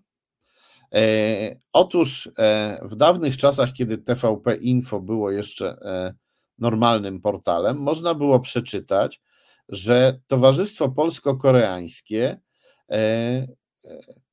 jest związane z supertotalitarnym i zbrodniczym reżimem Korei Północnej. Członkowie stowarzyszenia spotykają się w ambasadzie Korei Północnej, między innymi przy okazji e, e, urodzin zbrodniczych e, liderów tego potwornego państwa. Pan Poniewierski, kolega Włodzimierza Krajewskiego, miał sześć razy gościć w Korei Północnej. Poproszę o kolejny skan. Również inne źródła, jak widzimy, E, mówią o tym, że e, członkowie tego Towarzystwa Polsko-Koreańskiego to po prostu konfidenci, informatorzy, funkcjonariuszy służb specjalnych Korei e, Północnej. Tak, tak wyglądają powiązania rodzinno-biznesowe posła PiS Jarosława Krajewskiego, który jako wiceszef Komisji Służb Specjalnych powinien teoretycznie, zgodnie ze swoim poselskim ślubowaniem, e, zrobić wszystko, żeby powstrzymać Kaczyńskiego przed zepchnięciem Polski we wschodni autorytaryzm, przed próbą zastosowania przemocy, aby w celu zmiany Polski w, e, w reżim wschodni antydemokratyczny. No i tu się rodzi pytanie, czy ktoś, kto działa w jednej organizacji z takim swoim wujem czy stryjem, w, stryjem chyba, czy, czy powiedzmy, no, czy dziadkiem, z takim swoim krewniakiem, który równocześnie działa na rzecz e, e, zbrodniczego koreańskiego reżimu i, i, i jego służb specjalnych, czy ktoś taki będzie mieć jakiekolwiek hamulce, kiedy mu się powie, przyszedł czas, Jarosławie Krajewski, robimy z Polski drugą Białoruś, no bo drugiej Korei Północnej od razu się nie da, no ale może zróbmy drugą Białoruś. Czy ktoś taki się powstrzyma przed udziałem w, e, w, w zdradzie i zamachu stanu? Czy ktoś taki, no może się powstrzyma, ludzie się czasem zmieniają, czasem się budzi w nich sumienie, ale z tego, co widzimy tutaj, to ja raczej nie wiązałbym tutaj przesadnych nadziei z e, sumieniem Jarosława Krajewskiego. Poproszę o kolejny skan. Przechodzimy do kontrwywiadu wojskowego, który jest kluczowy, jeśli chodzi o kontrolę nad armią i nad jej żołnierzami. Jak tutaj widzimy na tym skanie, złożonym z dwóch skanów, po prawej stronie czytamy na dole małymi literkami, że wiceszefem służby kontrwywiadu wojskowego jest Marek Utracki, a po lewej stronie czytamy, że Marek Utracki E, wynosił dokumenty z kontrwywiadu wojskowego e, i przekazywał je Antoniemu Macierewiczowi, kiedy ten już e, stracił stanowisko szefa kontrwywiadu wojskowego po 2007 roku. To w kontrwywiadzie wojskowym został człowiek Macierewicza, Marek Utracki, i wynosił bezprawnie tajne dokumenty, żeby Macierewicz mógł je sobie poczytać. Poproszę o E, kolejny skan. W Krajowym Rejestrze Sądowym czytamy, że Marek Utracki był e, członkiem Rady Nadzorczej Spółki Dziedzictwo Polskie, należącej do Antoniego Macierewicza i przez niego kierowanej. I e, poproszę o kolejny skan. I e, czytamy również i w Gazecie Wyborczej, i w, w tej książce Macierewicz i jego tajemnice czytamy, że e, firma Dziedzictwo Polskie była firma Macierewicza i pana Utrackiego, Dziedzictwo Polskie. Firma ta była zasilana finansowo przez Roberta Jerzego Luśnie, wieloletniego konfidenta, wieloletniego płatnego konfidenta komunistycznej służby bezpieczeństwa, prowadzonego przez SBK Józefa Nadworskiego, który współpracował z ze wspominanym już tu dziś wielokrotnie wywiadem wojskowym Kremla e, GRU. E, więc e, jeżeli tutaj myślimy sobie, że na przykład taki wiceszef SKW, wiceszef kontrwywiadu wojskowego Marek Utracki mógłby mieć jakieś skrupuły, jeśli chodzi o próbę zdławienia w Polsce odradzającej się demokracji, no no to też jestem dość sceptyczny, jeśli chodzi o możliwe skrupuły pana Utrackiego. No i na koniec można powiedzieć wisienka na torcie o morale naszych e, mundurowych, o tym, no nie naszych, o morale pisowskich mundurowych, o ich morale e, i o tym, e, z kim się zadają, z kim chcą się zadawać, no mówi bardzo dużo ostatni skandal. Skandal, który ujawnił mm, Piotr Czaban, nasz tutaj gość w, w resecie obywatelskim. Wielokrotnie gościliśmy Piotra Czabana. Piotr Czaban to były dziennikarz TVN, który został dziennikarzem niezależnym i aktywistą, żeby wspierać e, ludzi cierpiących i umierających w naszych lasach na e, granicy wschodniej, na granicy z Białorusią. I Piotr Czaban też ujawnił no, dość niezwykłą sprawę ostatnio. Poproszę o kolejny skan. E, zdemaskował oszusta działającego w internecie e, pod e, hasłem Wczoraj żołnierz, dziś tata. Tak e, ten oszust nazwał swój kanał na YouTube.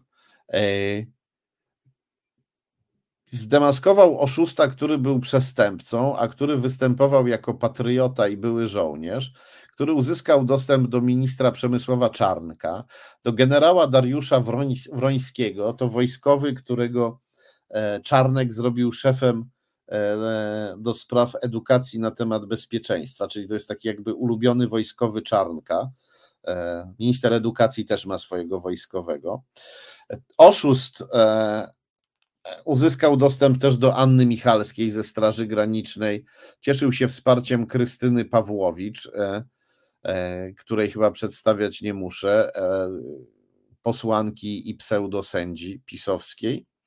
Był traktowany jak guru do spraw wojska przez PiS i pisowskie media. Był, e, był przedstawiany przez Michała Rachonia jako e, emerytowany żołnierz z sił specjalnych.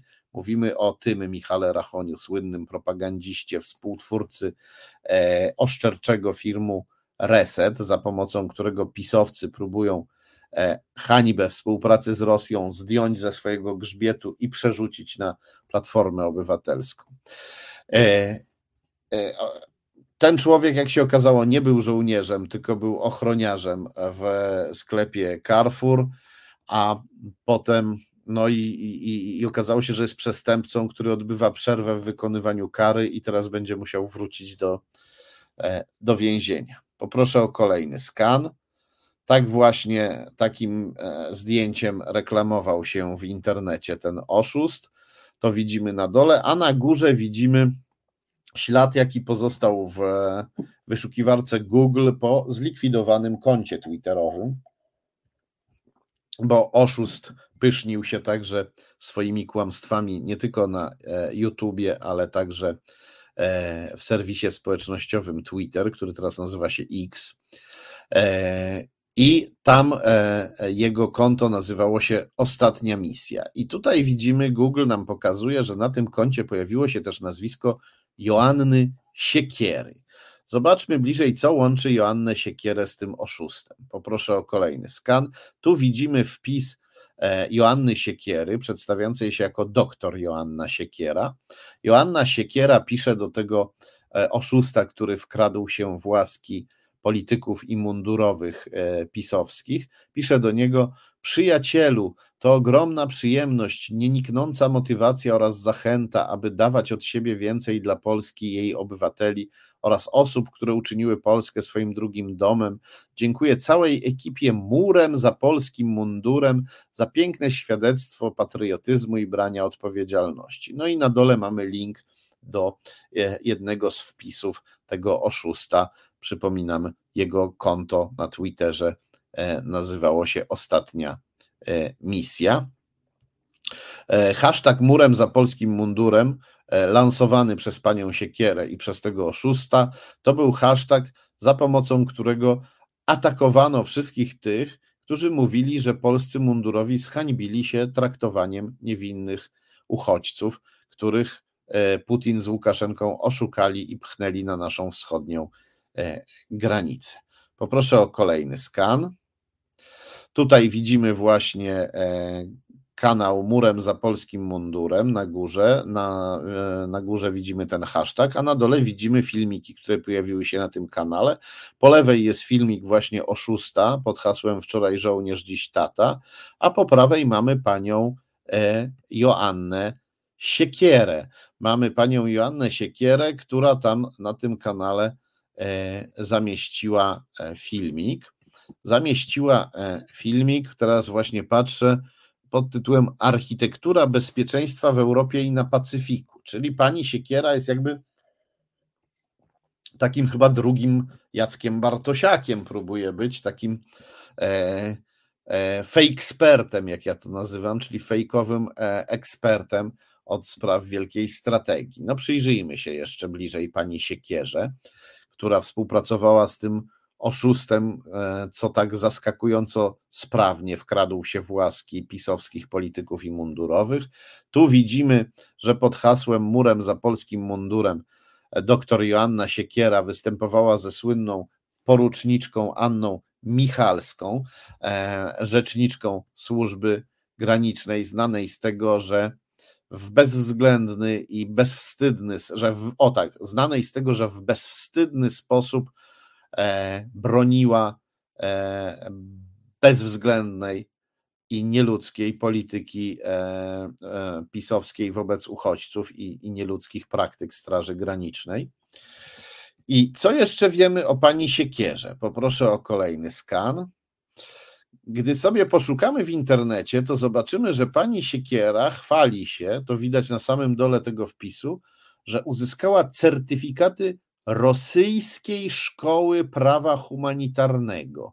Rosyjska Szkoła Prawa Humanitarnego. Rosja i prawa humanitarne. Poproszę o kolejny skan. O, tutaj widać to lepiej. Tutaj pani Siekiera Joanna, tak się na górze podpisała, chwali się tym, że odbyła kursy w Szkole Prawa Humanitarnego w Moskwie. Rosja i prawo humanitarne, Moskwa i prawo humanitarne.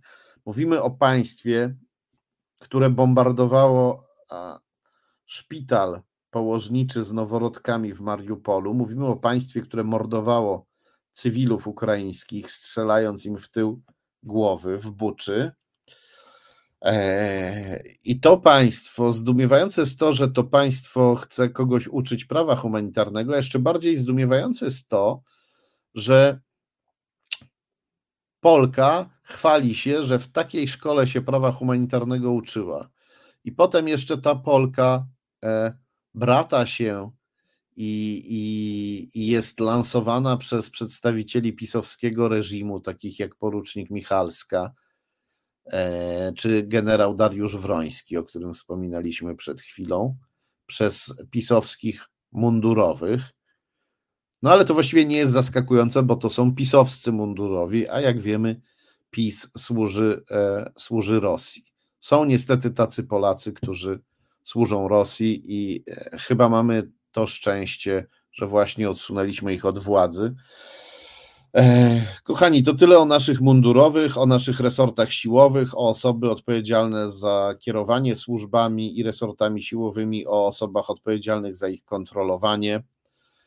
E, jak widzicie, jest to niezłe szambo, ale nie są to też jacyś geniusze zła czy geniusze zbrodni. Tak jak patrzę na tych ludzi, na ich życiorysy, to nie widzę w nich takich, którzy z jakąś dziką, zbrodniczą odwagą by tutaj nas e, chcieli wszystkich wymordować, prawda? Widzę w nich raczej ludzi, którzy nie mają oporów przed tym, co antydemokratyczne, przed tym, co wschodnie, putinowskie, nie boją się takich powiązań, nie, znaczy nie mają wstrętu do takich powiązań, nie mają wstrętu do takich działań, nawet gdy są zbrodnicze, pod warunkiem, że nie są dla nich zbyt ryzykowne. To są ludzie, których można powstrzymać i to powinniśmy zrobić koniecznie, bo jeśli ich nie powstrzymamy, to wtedy znajdą być może odwagę, żeby nas zdeptać. I dlatego przypominam, ciesząc się, bo trzeba się cieszyć, nie wolno spoczywać na laurach. Trzeba Polskę i polskie służby i polskie wojsko uwolnić od tych ludzi.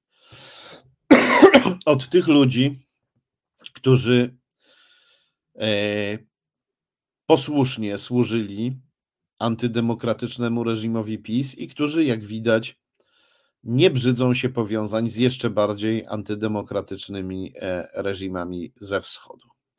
To tyle na dziś. Za chwilę prawoteka. My widzimy się za tydzień. Nie mogę się doczekać, co będzie za tydzień. Wy pewnie też. Bardzo Was ściskam, bardzo Was dziękuję i przypominam, e, łapki. Bardzo dziękuję za każdą łapkę. Bardzo dziękuję za każdy komentarz. Dziękuję każdemu, kto poczeka do chwili, kiedy ta transmisja stanie się filmem i zamieści pod nią komentarz, bo to zwiększa też widoczność transmisji, oglądalność tego programu. Ja Wam bardzo e, serdecznie dziękuję. Dobranoc i do następnego poniedziałku. I proszę jeszcze, jeśli ktoś nie dał łapki, to niech ją, dla, to niech ją da dla naszego dzielnego realizatora Marcina, który dzisiaj bardzo dzielnie walczył ze skanami. Do zobaczenia.